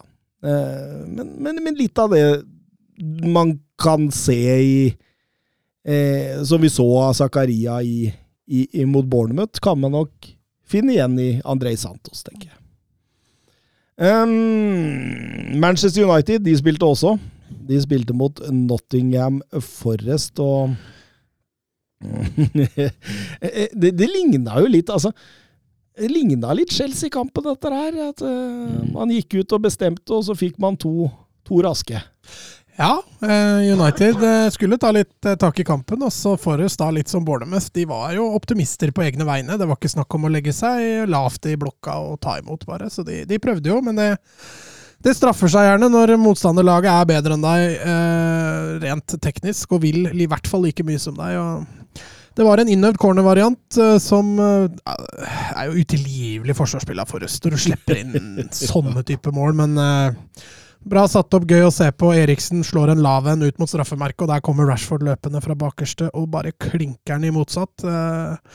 Og så er det en, er det en kontring der som ender opp ute venstre hos Rashford, som vekter den fint inn til Martial, som bare er Setter han omtrent midt på målet, ja, Nessie er riktignok på feil bein, da. Mm. Men og 35 år gammel, det er klart jeg veit jo jeg er 37 og jeg klarer ikke å Jeg hadde ikke redda han, for å si det sånn. Så, jeg, men, men hadde det vært Noyer eller noe, jeg hadde du redda den. Jeg tror altså, jeg, altså det, Hadde det vært Henderson, hadde han blitt redda. Men Rashford eh, Er han tilbake på sitt aller beste, som man husker han i den 1920-sesongen, da han hadde vel 17 kasser eller noe sånt? Nå. Eh, Er han tilbake der, eller? Hvis han får lov å fortsette å spille venstrekant, Mm. så Men hvis han må Hvis United ikke får den spissen sin og sånn, da da er jeg redd Rashford blir en del nier, for Martial blir jo skada i løpet av neste timen, så er han skada. Så eh, Nei, jeg, jeg, Som spiss så, så har han de klare feil og mangler. Som venstrekant, ja. Da kan han eh, Den energien og steget og intensiteten tilstedeværelsen. Ja, ja. Du ser I hvert fall den første omgangen han leverer Ja. her, er jo helt enorm. Det er helt enorm, altså. Eh, Tønna spør også, snakk litt om Casemiro. Hvor eh, god er han sammenligna med verdenseliten? Nei, han er jo helt oppe i verdenseliten. Er det ikke, er er det ikke verdenseliten? Jo. ja, jeg, jeg, jeg har jo, det er jo en spanjol som jeg mener er hakket foran ham, da. Uh, Altså, Casemiro på sitt beste jeg, jeg ser ingen som er bedre enn han. Jeg mener Rodrigo ikke er bedre enn eh, Hvis det er han du mente. Ja, jeg mente Rodrigo. Altså, Casemiro er enig, han varierer litt mer enn Mhm. Rodrigo. Rodrigo er mer stabil. Ja, det er derfor jeg holder Rodrigo på én. Men Altså. Casemiro på sitt beste Altså Busquets, da, nå i glansdagene. Men Casemiro, det han gjør i går, det det han gjorde i går, det han gjorde store deler av VM For en, for en spiller, altså. Mm. Mm. altså. Det ser ikke ut som United har betalt ei krone for lite hvis de får det der i de to neste sesongene. Nei, det er helt, eh, helt hinsides, faktisk. Han imponerer meg voldsomt, og, og har eh, fått eh, liksom, de, har, de har fått i gang en god sentral trio der, da, Mm. i, Casemiro, Eriksen og Fernandes. Det ser ut som de liksom på en måte de kjenner hverandre, de, de, de har klare oppgaver, de har klare mm, fordelinger. De vet når han ene går, når han andre må falle. De vet Altså, det, det, det, ser så, det ser ut som de har spilt sammen i ti år Ja, allerede. jeg føler jo at man kan altså Der må man jo gi kred til Ten Hart, da. Når det ser sånn ut med tre spillere som spiller for samme for, samme første gang denne sesongen her, Mm. og det ser så bra ut som det nå gjør, eh, da er det manageren som har gjort en meget god jobb, altså. Det er mye bra, det er mye fotballforståelse. Det, det, jo, jo, det, det er litt fotballintelligens der òg, ja. For det er ikke. Scott McTominay og Fred vi snakker om Nei her. da. altså. Nei, det er, det er faktisk eh, en trio med mye fotball i hodet sitt også, tror jeg. Uh, Men- men det er som, som, er, som er nok jeg, jeg, jeg, tror, jeg tror nok de er ganske greie å, å fortelle at 'nå gjør du sånn og sånn til'. Jo, men jeg syns også det relasjonelle, da, der er jeg helt enig med Søren er inne på noe. Altså Den der bevegelsen av at enten Eriksen eller Fernandes stikker, for Mm. så å tre han opp i mellomrommet der. eh, Det er noe som er, det kjenner du igjen fra treningsfeltet, at det er noe de har trent på. Eh, Så det relasjonelle, at det sitter så bra så tidlig, det skal Ten Hag eh, ha masse kred for. Og så føler jeg Eriksen på mange måter altså Han går litt under radaren, men at han er litt limet mellom dem. da. Mm. At han er den som Ja, vi, vi nevnte det jo, vi var jo litt inne på det da vi snakket om Eriksen-overgangen, og nevnte vel eh, litt at med siden av en virkelig god, stabil defensiv spiller, så kan han fungere som en del av de dype òg. Mm. Og det har, jo, det har jo gått eh, egentlig helt over forventning. Ja, ja. Ja, ja, absolutt. Men Forrest de får en ball i mål rett før eh, pause. Eh, blir etter hvert annullert for offside, og nisselue på. Han eh, skriver 'Jeg fortsetter min rant'. Her ender riktignok dommeren på en korrekt avgjørelse til slutt, men før det har han brukt tre minutter på å sjekke en hens når det i samme situasjon var en klar offside. Jeg gir opp! Fotballen taper så mye med VAR. Ja, jeg er helt enig. Ja, Jeg- den entusiasmen Ja. Forrest har der, liksom. Du får den goalen, og så blir det dømt mål, og så går det vinter og votter, og det er dette her som er er så ødeleggende. Ja, ja, det er helt sykt. Eh, jeg er helt enig. Eh, og jo mer jeg har sett av hva, desto mindre liker jeg han. Og Ja, nei, altså Har ikke noe mer å si. Det er helt enig. Det er fryktelig. Og Ja, fordi jeg liksom var tydelig på det i starten. Jeg, at jeg tenkte liksom, ja, Fasit, som du får fasit på, der kan vi bruke VAR. Som, Ja, off- som som offside. Helt greit. sånn. Men når dette Ja. Når det går da fire minutter for å finne en konklusjon som er en offside her, da. Ja, altså, altså du og sjekker feil ting, altså Ja, som sagt, hvis man, hvis man får til en sånn automatisk eller halvautomatisk offside- offside-greie som under VM som tar litt kortere tid, sånn type fem sekunder, uh, bruk gjerne den. Fint. Fint å vite når det er offside eller ikke. Det er svart-hvitt. Akkurat som mål, ikke mål. Bruk gjerne mållinjeteknologi. Med alt det andre, det er ikke verdt det. Bare eh, dropp det, altså. Mm. Mm. Man taper så mye. Man taper den, man taper den entusiasmen uh, på tribunen. Man taper den, den spontane gleden man eh, Nei, Mm. få det bort. Jeg satt klar med Twitteren min uh, når det begynte å nærme seg slutten på denne kampen, og så skulle jeg skrive følgende. Begge Premier League-kampene i kveld var helt identiske. Eh, for det så jo ut som det, at eh, det, skulle gå til akkurat repriseomtrent fra Chelsea eh, men så dukka det opp en brasiliansk kombo og ødela den tweeten for meg i siste øyeblikk. Ja, nei, du har en Casemiro der som Det er forbilde. Bryter, drar av en mann, setter fart inn i rom, har oversikt nok, ser Fred på bakerste, og så får Fred æren av å sette Sette 3-0 der, men det er jo Casemiro som, som gjør 90% av det målet der. Nottingham Forest ser langt unna ut. Jeg er helt enig. Og, og, men, men altså, du ser det relasjonelle altså, eh, Nå har han jo kjøpt mye spillere, da. Det kan fort hende at eh, det blir flere nå i januar òg, for alt vi veit. Ja, det har de vel bekrefta. At det blir flere? Mm. Ja, jeg tviler ikke. Uh, men altså, hvis en fortsatt skal kjøpe spillere da, som er nedrykksspillere fra Premier League, hvis du skjønner hva jeg mener, så vil det jo ikke bli noe bedre. Da, da må Cooper uh, gjøre noe drastisk her for å få dette til å gli. Det er klart, det er vel ingen som kalkulerte med tre poeng på Old Trafford, men uh, de er langt unna, altså. Jeg flira av det Roar Stokke som kommenterte den kampen i går. Ja. Og han sa det at eh, Steve Cooper har et uttrykk som det ser ut som han har fått strømregninga til hele Hele Øst-Norge om å betale den sjøl. Jeg flirer av en god kommentar av Mr. Stokke, det der, der. For han ser jo litt sånn Molefonken ut. Ja, han gjør, han gjør det. Han gjør det.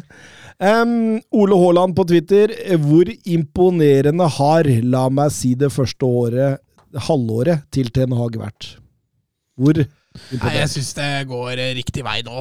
Hvis vi skal, skal vi rulle en terning, er det det som er greia? Du, du kan godt eh, rulle terning hvis du vil. Ja, fordi den starten ødelegger jo litt, men samtidig kanskje ikke så overraskende at de sleit mer i starten. Det at Ronaldo nå er ute, det kommer til å bli Jeg tror det blir en forløsende faktor. Mm. Skulle de få inn den nieren nå, så, så kommer dette til å bli veldig bra. og Da, da er United veldig seriøse utfordrere til en topp fire-plass. Skal vi rulle terningen på en eh, en, en sterk firer, kanskje? Svak femmer?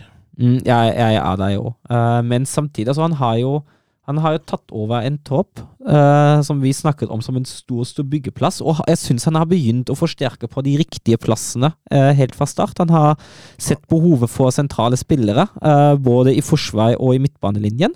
Eh, han har fått en eh, konsekvent og god spillestil med de spillene han har. Han har gjenopple gjenopplevet flere spillere type Rashford. eh, og har virkelig fått dreisen på det. Det ser også ganske stabilt ut nå. Så jeg syns, syns sett under ett er det en sterk prestasjon så langt. Han har tettet hull, ja. De hulla vi maste om i over to år, de tetta han. Det er, mangler vel bare en jern nå. Ja. Ja, altså, altså er det jo en høyrebekk. ja, Ja, selv om Dalot har gjort det. Ja, Wambisaka har sett levende ut òg, siste to matcher. Men det er jo klart, man kan jo ikke tette alle. Altså, han kan sikkert ønske seg en mer ballspillende keeper enn eh, David også. Eh, men at man prioriterer da det brenner mest, det er jeg jo helt enig i, og det syns jeg han har gjort. Og det er klart at ikke alle, alle forbedringer lar seg gjøre i løpet av ett overgangsvindu. Strukturelt, de opptrer som et lag i gode konstellasjoner, som vi var inne på her. Eh, Bra grunnspill, variert angrepsspill. Man angriper hurtig, men kan også dra ned tempo og spille mer etablert, og behersker den type angrepsspill også. Eh, ja, altså eh, Vi var Jeg har vært lenge negativ til Manchester United nå, både under Solskjær og Ragnhild. Eh, synes de fortjener at de er mer positive nå, faktisk. Jeg synes Ja, det ser nå, nå spørs det om ikke det blir kake på kontoret på Carrington i morgen, faktisk, når de hører dette. ja, når de endelig får noen gode ord fra Nei, men det, jeg synes det ser veldig bra ut. Og jeg har jo vært inne på det før. Det som kjennetegner de virkelig store managerne, da, det er de, de, de aller, aller beste. Det er det at de kan gå inn, og så hever dem eh, allerede stall. Altså enkeltspillere, altså kall det gjerne signalspillere i stallen. At de går opp på nytt nivå. Altså enten så henter man dem fra mm, et år eller to hvor de har vært fullstendig nede, og gjør dem til eh, topp spiller igjen. Eller så bare hever dem selve. Og det, og det er liksom Rashford, Dalot, Luke Shaw, Martial, eh, Fred. Jeg syns han har gjort det med mange. Samtidig som han har tetta de hulla som han har gjort, og fått inn altså Anthony og, og, Casimiro. Og, det, er jo, det er jo klasse. Martinez. Det er, det er jo klasse. Så Nei, jeg sy- syns det ser veldig, veldig bra ut uh, for Manchester United. Nei, altså Det som drar henne ned, jeg mener jeg, er at han ikke greide å kvitte seg med Ronaldo i sommer. Mm. Uh, en virkelig sterk leder der tror jeg hadde fått til en uh, mulig løsning. Eller i hvert fall sett at, at her må det gjøre skje noe, liksom. Eh, og så er det den starten de hadde. De brukte litt tid på å komme i gang. Kanskje som forventa, men eh, det trekker litt ned. I kveld er det Leeds mot Manchester City. Den skal vi benke oss ned og se i eh, fellesskap. Erling Braut Haaland tilbake i fødebyen Leeds. Hvor mange setter han i kveld, Søren? To. To, ja. Da setter han tre, for vi veit at Søren er ikke noe glad i Haaland. Og melder litt mindre enn det han Ja, for de møter jo et Leeds som slapp inn fire mot Tottenham før VM-pausen, og 13 på de siste fem Premier League-kampene, så det bør jo være muligheter her. Mhm. Eh, Didrik Tofte Nilsen han eh, spør oss eh, har dere tro på at City gjør noe i dette vinduet, eller sitter de stille i båten? Jeg tror nok de sitter ganske stille. Jeg ser ikke helt hva som er prekært nok der til å Nei, jeg, jeg tipper at de, de observerer markedet, og hvis de ser noe eh, noen muligheter som åpner seg for eh, kanskje et stort talent, eller plutselig en spiller som skulle dukke opp og bli tilgjengelig, eh, så kommer de til å lure noe med det. Jeg tenker dette er en god periode for City å jobbe inn stjerner òg. Mm. Altså, de bør ikke hente noe. Altså, en Bellingham begynner å jobbe med han, eller det har de jo sikkert full kontroll på allerede, men sånne typer, da. For det, det kommer til å bli høl og tette til sommeren. Mm. Og da ha det klart allerede, det, det er nok fornuftig. Ja, for det kan jo hende både Bernardo Silva og Jack Grealish forlater. eh, Gundogan. Gundogan forlater helt sikkert, så det hører de er litt ute etter han. Bukayo Saka, det blir, det blir billig. Det blir kjempebillig, ja. Skal du begynne å hente spillere fra konkurrentene dine i Premier League, så da må du ha litt penger, altså. Um, øvrige kamper i Boxing Day. Fullham Fulham eh, 0-3-seier på Sellers Park. eh, Mitchell der, Sinnssykt sterkt, men ja. Den var grusom, altså. Mm. Det er sånn du ser bare første gang, Mm. og så kommer han flere ganger, og da er det bare å snu hodet, altså. Palace avslutta kampen med ni mann, så det, det, det var vel grei skuring der etter hvert. Um, Lopetegi uh, sin første Premier League-kamp endte med tre poeng og eh, seiersmål fire minutter på overtid, Mats. Ja, og jubelscenen etter Lopetegi der, det var, det var humor. Så det anbefaler jeg alle å se på. Jeg har aldri sett han så ekstatisk før, så det er tydelig at det betyr mer å vinne for Wolves enn det de noen gang gjorde for Sevilla. og Brighton og uh, de Serbi eh, banka Southampton 1-3 borte. Det var vel som forventa. Det var det. Um, Finn Jørgen Halvorsen på Twitter han sier ranger de nye managertilkomstene i Premier League fra best til dårligst, og hvem vil lykkes best i sitt lag? Da snakker han om Unai Emery, Julian Lopetegi og Roberto Di Serbi. Og Først av alt så vil jeg jo si at det er enormt statement av Premier League, da, at tre så gode managere kommer og tar over lag som Aston Villa, Wolverhampton og Brighton. Det, det, det, det, må man jo først og fremst si, for det er jo, det er jo klassetrenere alle tre. Ja, dette er ikke trenere som hadde tatt over Augsburg, Getafe og eh, og Monza. Ja, Monza er kanskje et dårlig eksempel, men Berlusconi og Gryna, du veit aldri, vet du. Nei, altså det, det Men det ja, altså er, Premier League er jo en liga nå som tiltrekker seg det aller største. De fleste spillere har vilt til Premier League, det gjelder manager òg. Eh, Emery, stor merittliste. Lopetegi, lang merittliste. Eh, De Serbi, litt mer ubeskrevet blad, men allikevel en up and coming eh, manager. Eh, og her er jo grunnlaget som er for tynt, spør du meg. Altså, De Serbi kan vi begynne å vurdere. Emery har vel to matcher. Eh, Lopetegi gjorde sin første nå. Eh, Det er ikke Men så vi- lett å lage liste, føler jeg. Vi kan jo demme ut ifra det vi har sett fra dem før. Det kan Det vi går an, det. Ja, eh, og der holder jeg faktisk Lopetegui på siste. Eh, Ja, fordi han er minst underholdende. Ja, det og fordi um, Jeg kan Jeg har vanskeligheter med å se for meg at den spillestilen han står for, leder til at laget han trener, blir et absolutt topplag. Det er jeg helt enig i, men det har også litt med klubben han er i. Jo, jo, for all del, Eh, Wolverhampton er en klubb sånn som det er akkurat nå, som har et tak, og det er jeg enig med deg, det har Lopetegi òg. Men jeg tror at Lopetegi er den som Hva er bra for Wolves, da? Er tiendeplass, er det bra? Ja, Sjuende til tiende tror jeg de er relativt fornøyd med sånn stå her. Ja, som står her nå, ja. Men, ja, men sånn før sesongen, da. Ja, Før ja. sesongen. For jeg mener jo at, at Lopetegi har Hva skal vi si? Åssen blir det? Altså, han har størst sannsynlighet for å gjøre suksess, da, fordi Liste Veien fram er kortere, da. Ja, ja, ja, ja. Skjønner hva du mener. Eh, Villa er jo lengre fram, for der forventer man jo nesten Europa snart. Eh, Brighton, ja ja, den er kanskje grei, den òg. Litt sånn samme gata som Wolverhampton. Men, men der også begynner jo forventningene å bli ganske store, da.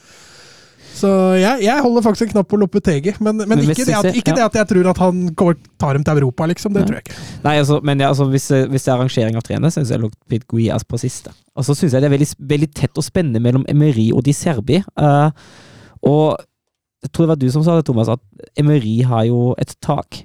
Og det har han, definitivt. Og så er jeg litt sånn usikker på hvor egentlig taket til Di Serbi er. Eh, jeg syns han er mer ubeskreven, eh, men han er, altså jeg syns han er den mest spennende av de tre. Uh, derfor det er vanskelig å, å sammenligne Emery og, og Serbi, for de, de er ganske forskjellige. Han er, ah, ah, de- jeg er helt enig med deg, Søren. Di Serbi er den mest spennende av de, men har også den klubben som drives mest sparsomt. Ja, Og, og han har nok minst midler av disse. Uh, så det er, det er litt sånn det er sånn vanskelig å Hvem lykkes best i sitt lag? Ja, ok. Den er vanskelig, altså. mm, den er vanskelig. Jeg tror kanskje det ender med at det er eh, de Serbi som gjør det. På grunn av Altså, jeg mener at eh, klubbstrukturen i Brighton er såpass bra eh, at man har et fundament, man har god scouting, man kan hente gode spillere fra stort sett hele verden, og i hvert fall i Latin-Amerika der har de full kontroll. Eh, klubben drives veldig godt, og de, de har en sånn klar filosofi fra, fra, fra A til Å. Eh, Villa og, og i hvert fall Villa er litt mer hip som happ. Der, der går det litt mer fra hånd til munn. Eh, og, og Wolverhampton, ja. Altså, det er rød tråd, i hvert fall, i det de driver på med i forhold til manager. manager eh, men samtidig jeg tror ikke det skal gå så mange målløse kamper for Lopetegi før fansen nå Altså, jeg tror han må ha Han må ha mange trepoengere. Eh, Ja, det blir mye 1-0 og 2-1-seiere hvis de skal eh, Altså, Wolverhampton vinner 5-0. Da skal motstandere ha fått mange utviste spillere, tror jeg, men Uh, jeg, jeg mener fortsatt at fallhøyden er minst for Lopetegi. Mm. Ja, han tar jo over laget som ligger på sisteplass i Premier League. Ja, men forventningen også til Wolverhampton da, kontra Villa og Brighton, som Jo, jo. de har bygd seg opp. da.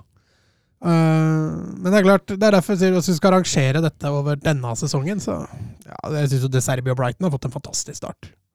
Brighton ser jo nesten ikke svekka ut i det hele tatt etter Potter dro.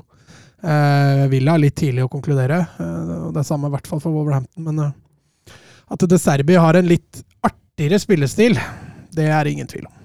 Og at det er tre lag som ja, kommer seg ganske greit gjennom sesongen uten noe problem, det, det er jeg helt sikker på. Jeg, selv om Wolverhampton ligger ganske langt ned der nå, så, så, så Ja, men sam- altså, Forrest ser jo ikke ut. Ja, og nei. Cooper har akkurat signert ny kontrakt. altså Westham ser jo ikke ut. Bournemouth ser jo ikke ut. altså Nei, altså, altså er det jo Southampton. Southampton. Southampton ser jo ikke ut. Det er jo lag der som fint kan eh, Everton sliter. ja. Og så altså er det jo noe med at når du sitter i røkstri og så har du den grunnleggende defensive stabiliteten, så kommer du ganske langt med det. Mm. Mm. Og det, det tror jeg Lopetegui fint klarer å, å, å få til i Wolverhampton.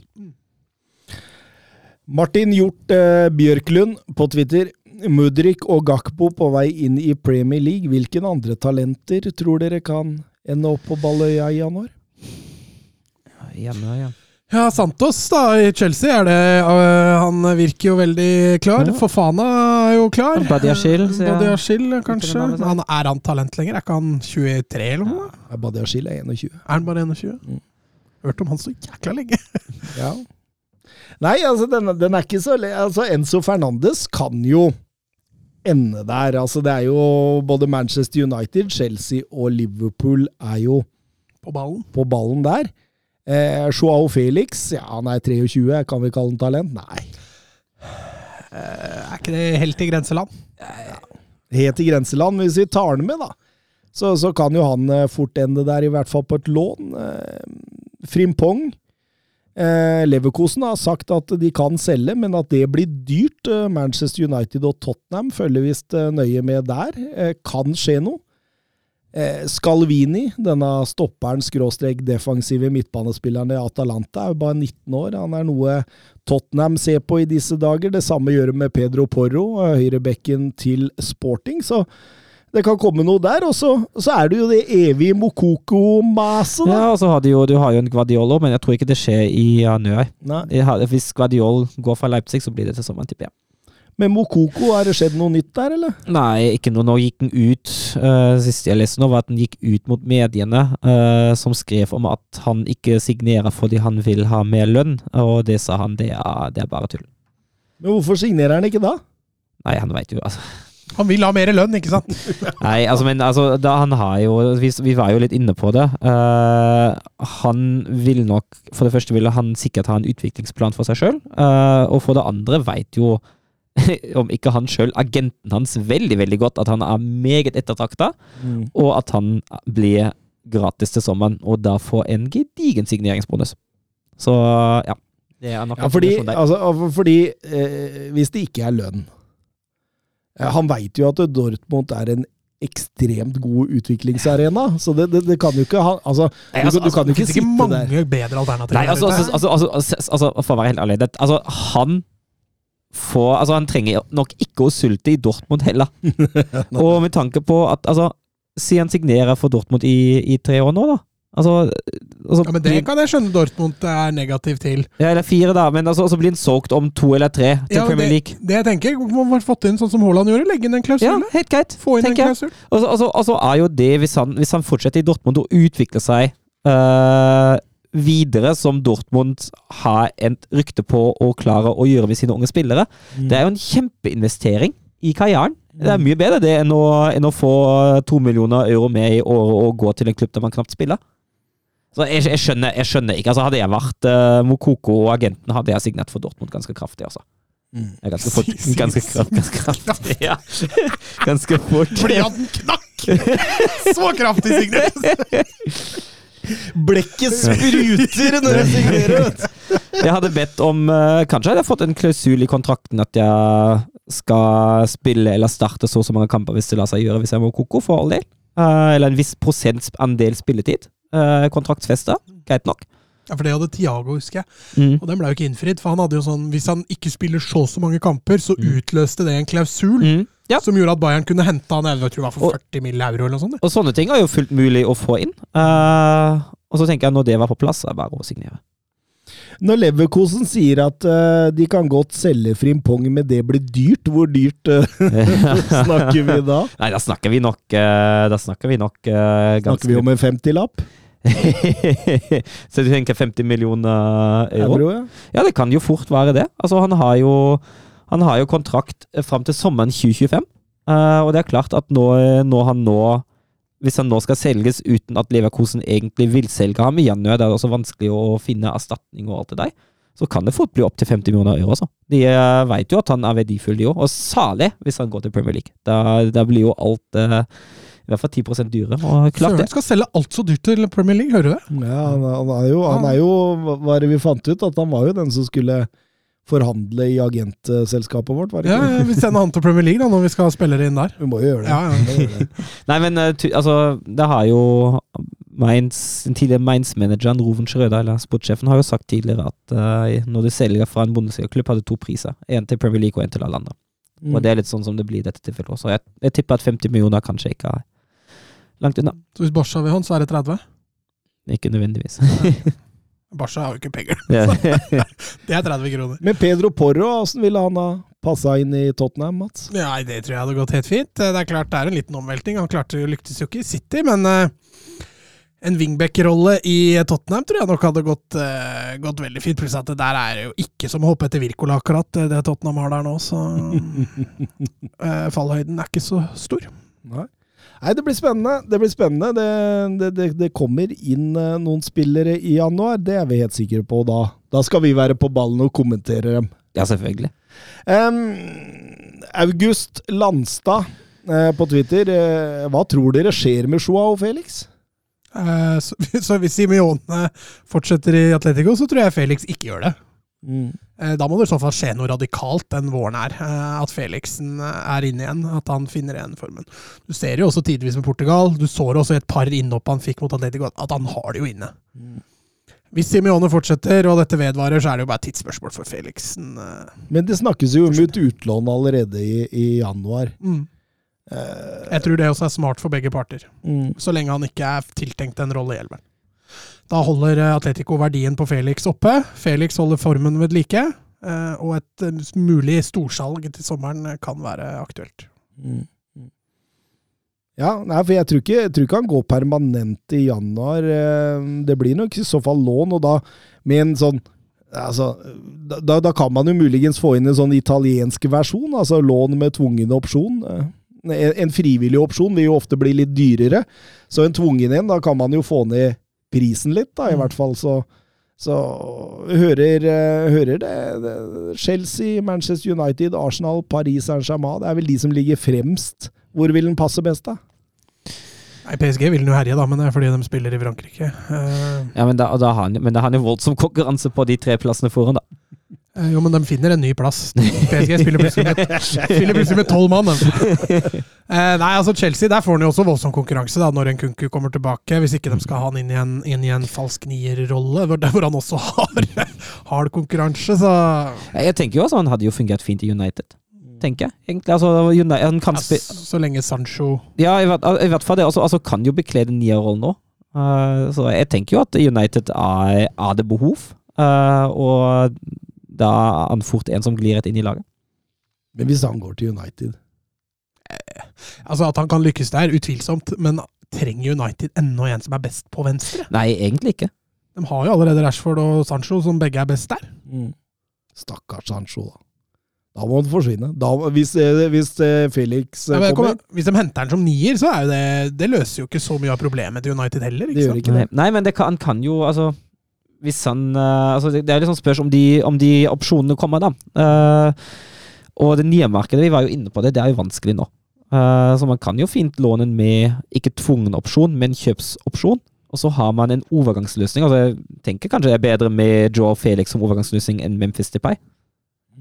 Mm. Bernt Hansen på Twitter er Guardiol verd utkjøpsklausulen på 110 millioner euro. Det er så mye penger, vet du. Du mister bakkekontakten fullstendig. Men han er jo ikke det per dags dato. Nei, hvis, altså, hvis du tenker verdien akkurat nå, så er ikke Guardiol verdt eh, 110. Eh, men, men hvis du tenker potensialet, altså det han gjorde i VM Mm.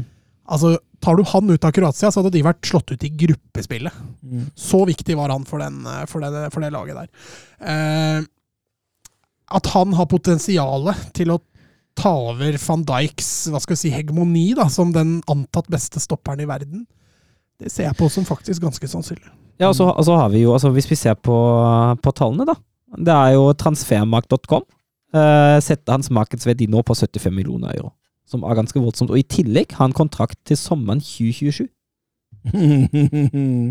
Og hvis den prisen da kan forhandles fritt, så havner man fort også over den utkjøpsklausulen fra Leipzigs side, altså. Hvis man betaler den summen, så er det jo fordi, som Mats sier, at man ser for seg at det er en, en verdensklassestopper som dekkes enn den ene stoppeplassen i 10-12 år. Mm. Det er jo øh, noe annet. Altså, jeg syns jo på mange måter han kunne sammenlignes litt med, med De Ligt når han gikk til Juventus for 85. Eh, Kanskje De Ligt eh, var enda kanskje mer dominerende og hadde spilt enda bedre på et høyt nivå, i og med Champions League. Eh, Men det, Ja, de Ligt begynte så tidlig, vet du. Han var Ja. liksom der oppe når han var 18. Altså, altså føler jeg vi, altså Den forskjellen da er at De Ligt dro rett fra hjemlandet sitt til storklubb. Uh, Guardiol har på en måte gått til mellomsteget og vist at han kan akklimatisere seg i en ny klubb. men han har ikke vært voldsomt god for eh, Leipzig i år. Ja, han har vært god. Ja, men Han ikke, har vo- altså, han har vært litt inn og ut av laget. Ja, men han har, vært- han har slitt litt med skader òg. Ja. Men han har, vært, han, har vært, han har vært veldig god når han har spilt. Så ble han jo rundlurt av Lionel Messi i Ja, i kvartfinalen. så klart. Men altså, Han men, var sånn gammel ut, faktisk. det er sånn veldig gammel ut, men det er klart, når du eh, spiller som keeper eller stopper på et eller annet tidspunkt, kommer det en feil. Sånn er det. Mm, I hvert fall når du er 20 år. Nei, han er ja, Altså, det er- så er det ikke den første da som har blitt dribla av Messi? Ikke den siste. Ah, nei, mest sannsynlig. Siden Messi skrev ny kontrakt nå, så må vi regne med det. Ja, Han la plutselig ikke opp på Argentina heller. Så. Em, Ole Sandstrand, snakk litt om Napoli. Overganger inn og ut. Eh, Kan de bli svakere etter VM? Eh, Med tanke på at de mister spillere? Ja, jeg veit ikke. Altså form, eller, eller jeg tenkte, jeg tror først han tenker form, for jeg tror ikke det er så mange som er på vei ut der. Nei, det tenker ikke jeg heller. Jeg tror eh, Napoli sitter ganske rolig i båten. Ehm, altså Det de har vist da, denne høstsesongen, det har vært ganske solid. Altså Det er litt sånn som du har nevnt tidligere. altså De kan ta ut en Kvarasjkela, og, og så kommer inn en ny spiller, og så er det samme kvaliteten, nesten. Uh, og det er en uh, det er en kjempefordel da, når laget møter litt motgang, at du kan rullere litt, da, eller som Geir Bakke sier, røre litt i gryta. og, så, og så kan du få det på rett kjøl igjen. Så altså, jeg Nei, jeg tror ikke dette blir så mye svakere, hvis ikke de av en eller annen grunn får inn et megabud på enten Oshimen eller Kvaratskhelia. Så ser jeg ikke at dette skal tape seg noe sånn veldig. Det er åtte poeng ned til Milan, ti til Juventus og elleve ned til Lazio Inter. Man må jo, man må jo fortsette eh, på dette de har drevet med. Hvis ikke så blir jo det spist opp ganske fort. Ja, ja, er du gæren? Jeg ser ikke noe grunn til at de skal begynne å finne opp noe nytt krutt nå, nei. Eh, De må jo passe på å utvikle seg, dem også, men eh, nå har de jo akkurat eh, funnet et nivå som, som passer dem veldig bra. Så jeg ser jo ikke noe grunn til at de skal finne på noe nytt, nei. Den eneste det ryktes på vei ut, er jo Hirving Lozano. Veldig lite konkret enda, men muligens på vei til Premier League. De har blinka seg ut Adama Traoré som eh, en mulig erstatter. Eh, Så kan man jo se hvordan det kunne blitt. Eh, Bartos Bereszinski kommer fra eh, Sampdoria, ser ut til å være klar nå som en eh, backup for Di Lorenzo. Eh, så jobber de med, en permanent avtale med Tanga Ndombele. Eh, hadde vel avtalt en opsjon på 30, men prøver å få den litt lavere. Hadde sin Onai, som var så god i VM, er aktuell der. Det samme er Grimaldo. Ferdig, da. og så er det like kult.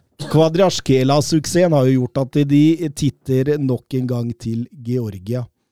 Eh, 19-årige Georgi Kvernatse ser ut til å kan være på vei en høyrefota venstre kant. Må ærlig innrømme, jeg har ikke sett noe særlig til han, men eh, skal ha fire kasser på 23 kamper denne sesongen og spilt seg inn på Georgias U21-landslag. Og det skal være de samme speidera som blinka ut Kvadraskelia, som nå har tipsa sportsdirektør Cristiano Ganuti om Kvernatse. Så det, den kan være litt spennende, Mats. Absolutt. Så vet man, man også. jeg jo det at du, du tenner jo litt ekstra på talenter, da, så Ja, det er Kvernatse. Kvernatse. Kan kvern litt nye- på den. Kan være nye Kvadraskela. Jeg tror han trenger litt mer tid enn uh, Kvaratskhelia. Han kommer jo rett fra Georgia. Det spørs det. Det spørs det.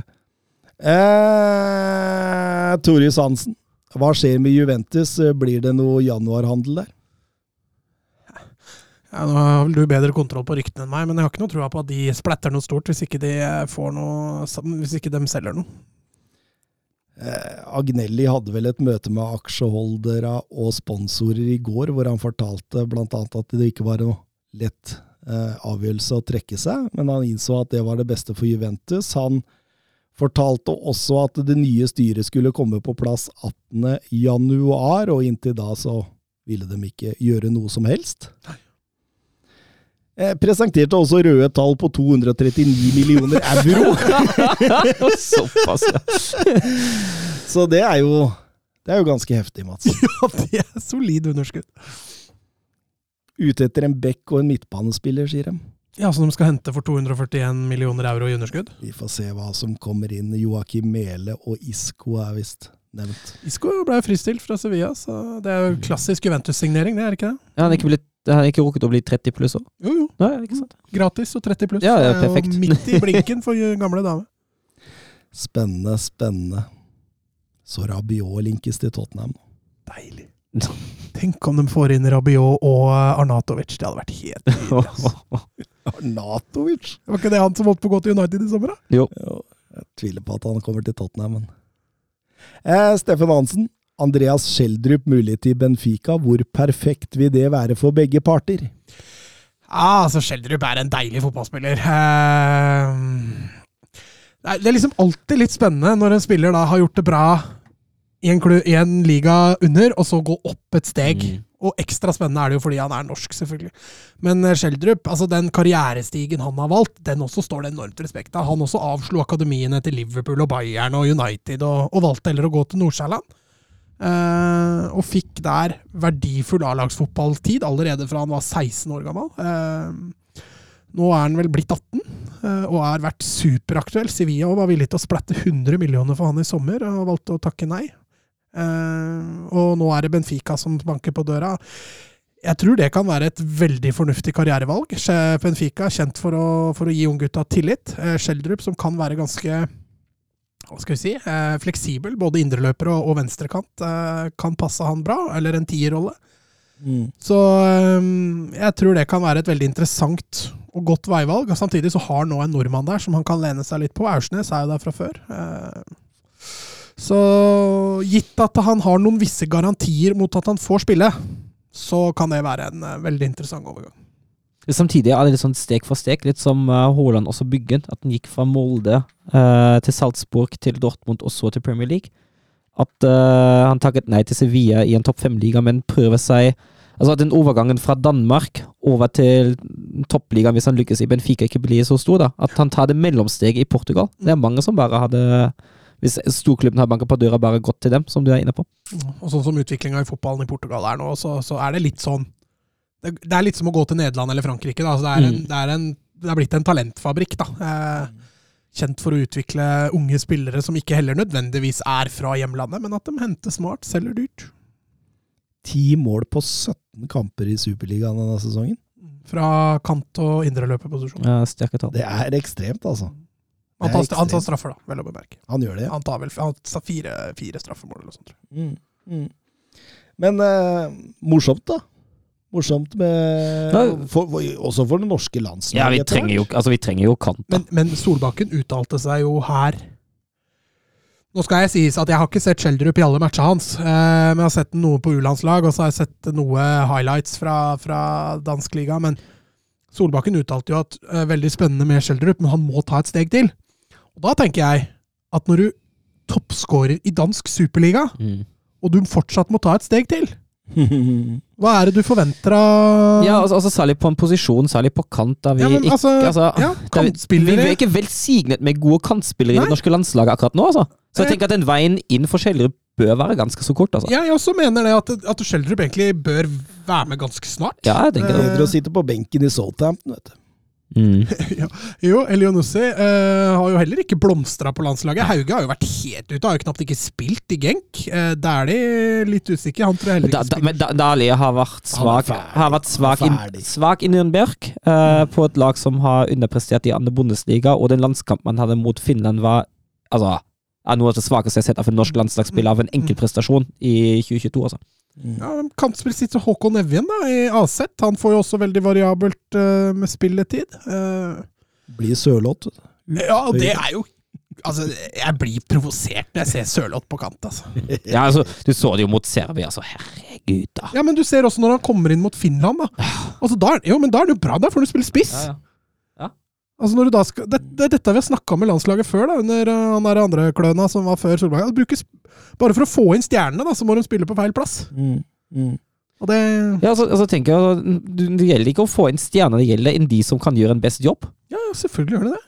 Uh, og hvis, hvis det er uh, ta, Jeg mener Solbakken må ta et valg. Enten må han spille med to spisser, eller så må Sørloth eller Haaland vrakes. Da blir det. Sørloth. Kasper Ru, Viktor Ruud Haaland. Hvor humor er det at Eintracht Frankfurt ble tilbudt Cristiano Ronaldo og uttalte Vi tror han ble tilbudt alle lag som spiller Champions League. og hva tenker dere om sjuårsavtalen med Saudi-Arabia? Først to og et halvt år som spiller i, for Al Nasser, og resten som ambassadør. Ja, det, er, det, det er så humor. Altså, det, det, viser, det viser bare at det er snakk om en fyr som ikke har innsett at hans tid i den absolutte internasjonale toppfotballen er over. Er, det er en fyr som nekter å innse det her. Hvis han går fra Champions League til Champions League og bare Please, kan jeg være med dere? Altså Vi tror han vi, tror, vi tror han ble tilbudt alle lag som spilte Champions League. Jeg lurer Skulle på likt å sende han stå på døra til Molde.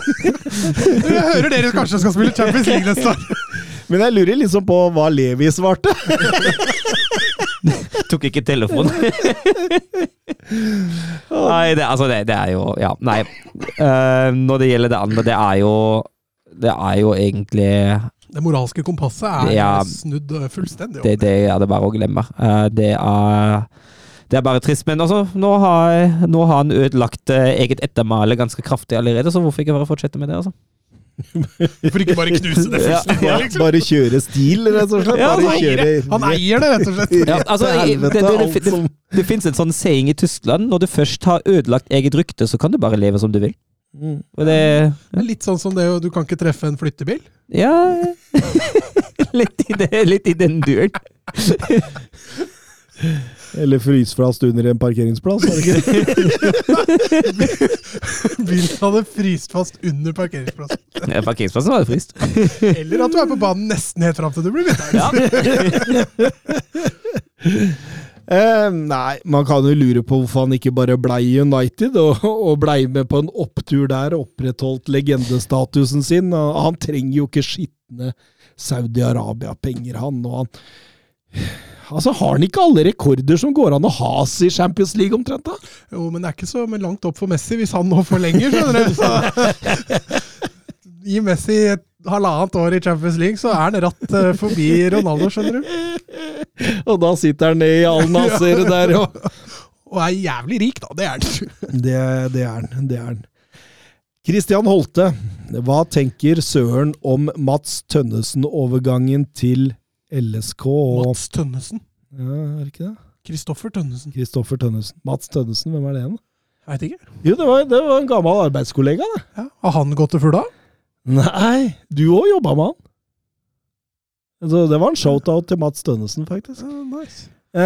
Kristoffer Tønnesen ja, jeg, altså, jeg visste jo ikke hvem det var før han sto med, på hjemmesidene med, med, med, med gul drakt og, og eh, proklamerte sin ankomst en gang, så denne blir din, Søren. Ja, den, eh, det er greit. Nå har ikke jeg fulgt med ekstremt godt på Obos-ligaen, for å si det sånn. Eh, Men Har du ikke? Nei, det er bare sånn sjette og sjuende divisjon med Obo- hatt, frakk og kraks du driver på med! Obos-ligaen føler jeg er sånn eh, helt, helt ok, men uh, Hør det i lomma. Men altså, men Høl i lomma på frakken, eller? Ja. Okay. jeg, jeg syns jo Frakkemannen. Lommemannen. Kom, skal du se kjenne på fløyta mi! Dommerfløyta, altså. Ja, eh, Tønnesen, da. Jeg syns jo det er en overgang som lover veldig godt. Eh, det er en spiller som har vært eh, god i start. Eh, det er først og fremst en venstrebeint stopper som også kan brukes som, et, som en backup på wingback-løsningen, noe som han egentlig har jakta nå i et år, eller bør ha jakta i et år. Eh, han har notert seg for fire skåringer og ni assist eh, på 30 kamper i start, som er voldsomt godt tall. Han har riktignok også blitt brukt litt som eh, venstre midtbanespiller, hvis jeg ikke tar fullstendig feil her. Men dette har er det en stopper som, ut ifra det jeg kjenner til, er god på det defensive, samtidig som han er ballspillende med, med brukbar pasningsferdigheter. Så jeg tenker jo at dette har, er, en ganske spennende overgang. Tom Petterson-erstatter, da. Ja, tipper det. det. Hvis ikke det kommer en til. Vi har jo henta Roseth. altså. Ja, jeg jeg, jeg ja. tror ikke de henter flere venstrebeinte Nei, men eh, jeg tenker jo altså, jeg, jeg tenker at dette her ser veldig lovende ut. Men kommer Ruben, eller? jeg håper det. Molde hadde gitt en nytt tilbud nå, som var visst enda litt mer lukrativt. Men han hadde jo sagt at eh, hvis jeg kommer hjem, så blir det jo til Lillestrøm. jo, og hvis ikke, så legger jeg opp, og så sitter jeg på Åråsen og ser på kampene, sånn. Jo, men det var hvis han var litt eldre, tror jeg. Ja, ok. Han er jo fortsatt bare, bare 30 år, Ja. så det hadde jo vært en klassesignering Ja, for Lillestrøm å fått inn. Eh, men eh, klassisk Molde, da. Kom og ødelegge dette. Mm. Hver gang Molde er noe jævla Det er herk, ass. parasitter! Ja. Og I hvert fall for Lillestrøm. da. Altså, Lillestrøm er farmeklubben til Molde. Men var ikke Fofana egentlig i Lillestrøm også før Jo, Men det Lillestrøm, det var under koronaen. Så Lillestrøm hadde vel ikke midlene til å hente Mm. han. Ja, ok. Så han endte opp i Molde. Molde, altså. Det eneste, Men han, har, han trente med Lillestrøm som 17-åring. eneste de har gitt oss, er Clayton Sane, altså. Ja, og voldsomt mye penger for Sheriff Sinjan. Eh, Ja, altså Nei, fikk ikke så mye for han, da? Fikk ikke bare fem millioner? jo, jo, men altså Er det voldsomt mye penger? Ja, for altså ja, men, men, men, jeg, men jeg tenker pengene vi fikk fra Bjørn Bergman, det må ha vært det, det var enda bedre. Det, Ja, det er jo penger vel eh, for. Han har jo bare stått og kjørt denne flyttebilen, tror jeg. Rundt omkring. Da. Han har ikke gjort noe mye der oppe. Nei, men måten de robba oss for Berg Gabrielsen og Gulbrandsen Ja. og altså Lillestrøm sleit økonomisk, så da ga de noen sånne Molbo-bud for å få dem. ja. Knutson henta dem, og Han var litt ferdig i Lillestrøm, følte jeg. Det- Han har i hvert fall ikke blomstra i Molde noe sånn voldsomt, så han har fått en del tid, har han ikke det? Jo, Og så har de jo Bolly, da. De har litt sånn gamle Ja, nei, det, det er mye, mye gammelt LSK der, ja. Men eh, Ruben Gabrielsen, hører du dette? Dra til Lillestrøm. Gjør det. Blir ikke Eh. Champions League i Molde allikevel. Nei, det blir det ikke. De ryker nok i Andre eller tredje kvalik. Ja, jeg gjør nok det. Oi, har du sett elveren til City? Ja? Uten Haaland? Nei, han er der. Men eh, uten Cancelo Louis Stones, Akanji, Ake, Gundogan, Rodri, De Brøne, Mares, Haaland, Grealish. Hvem var høyrebekk, sa du? Louis? Louis, ja. Å ja, det er han unggutten, ja! Ja, Rico Louis, ja. 18-åringen. Stemmer det.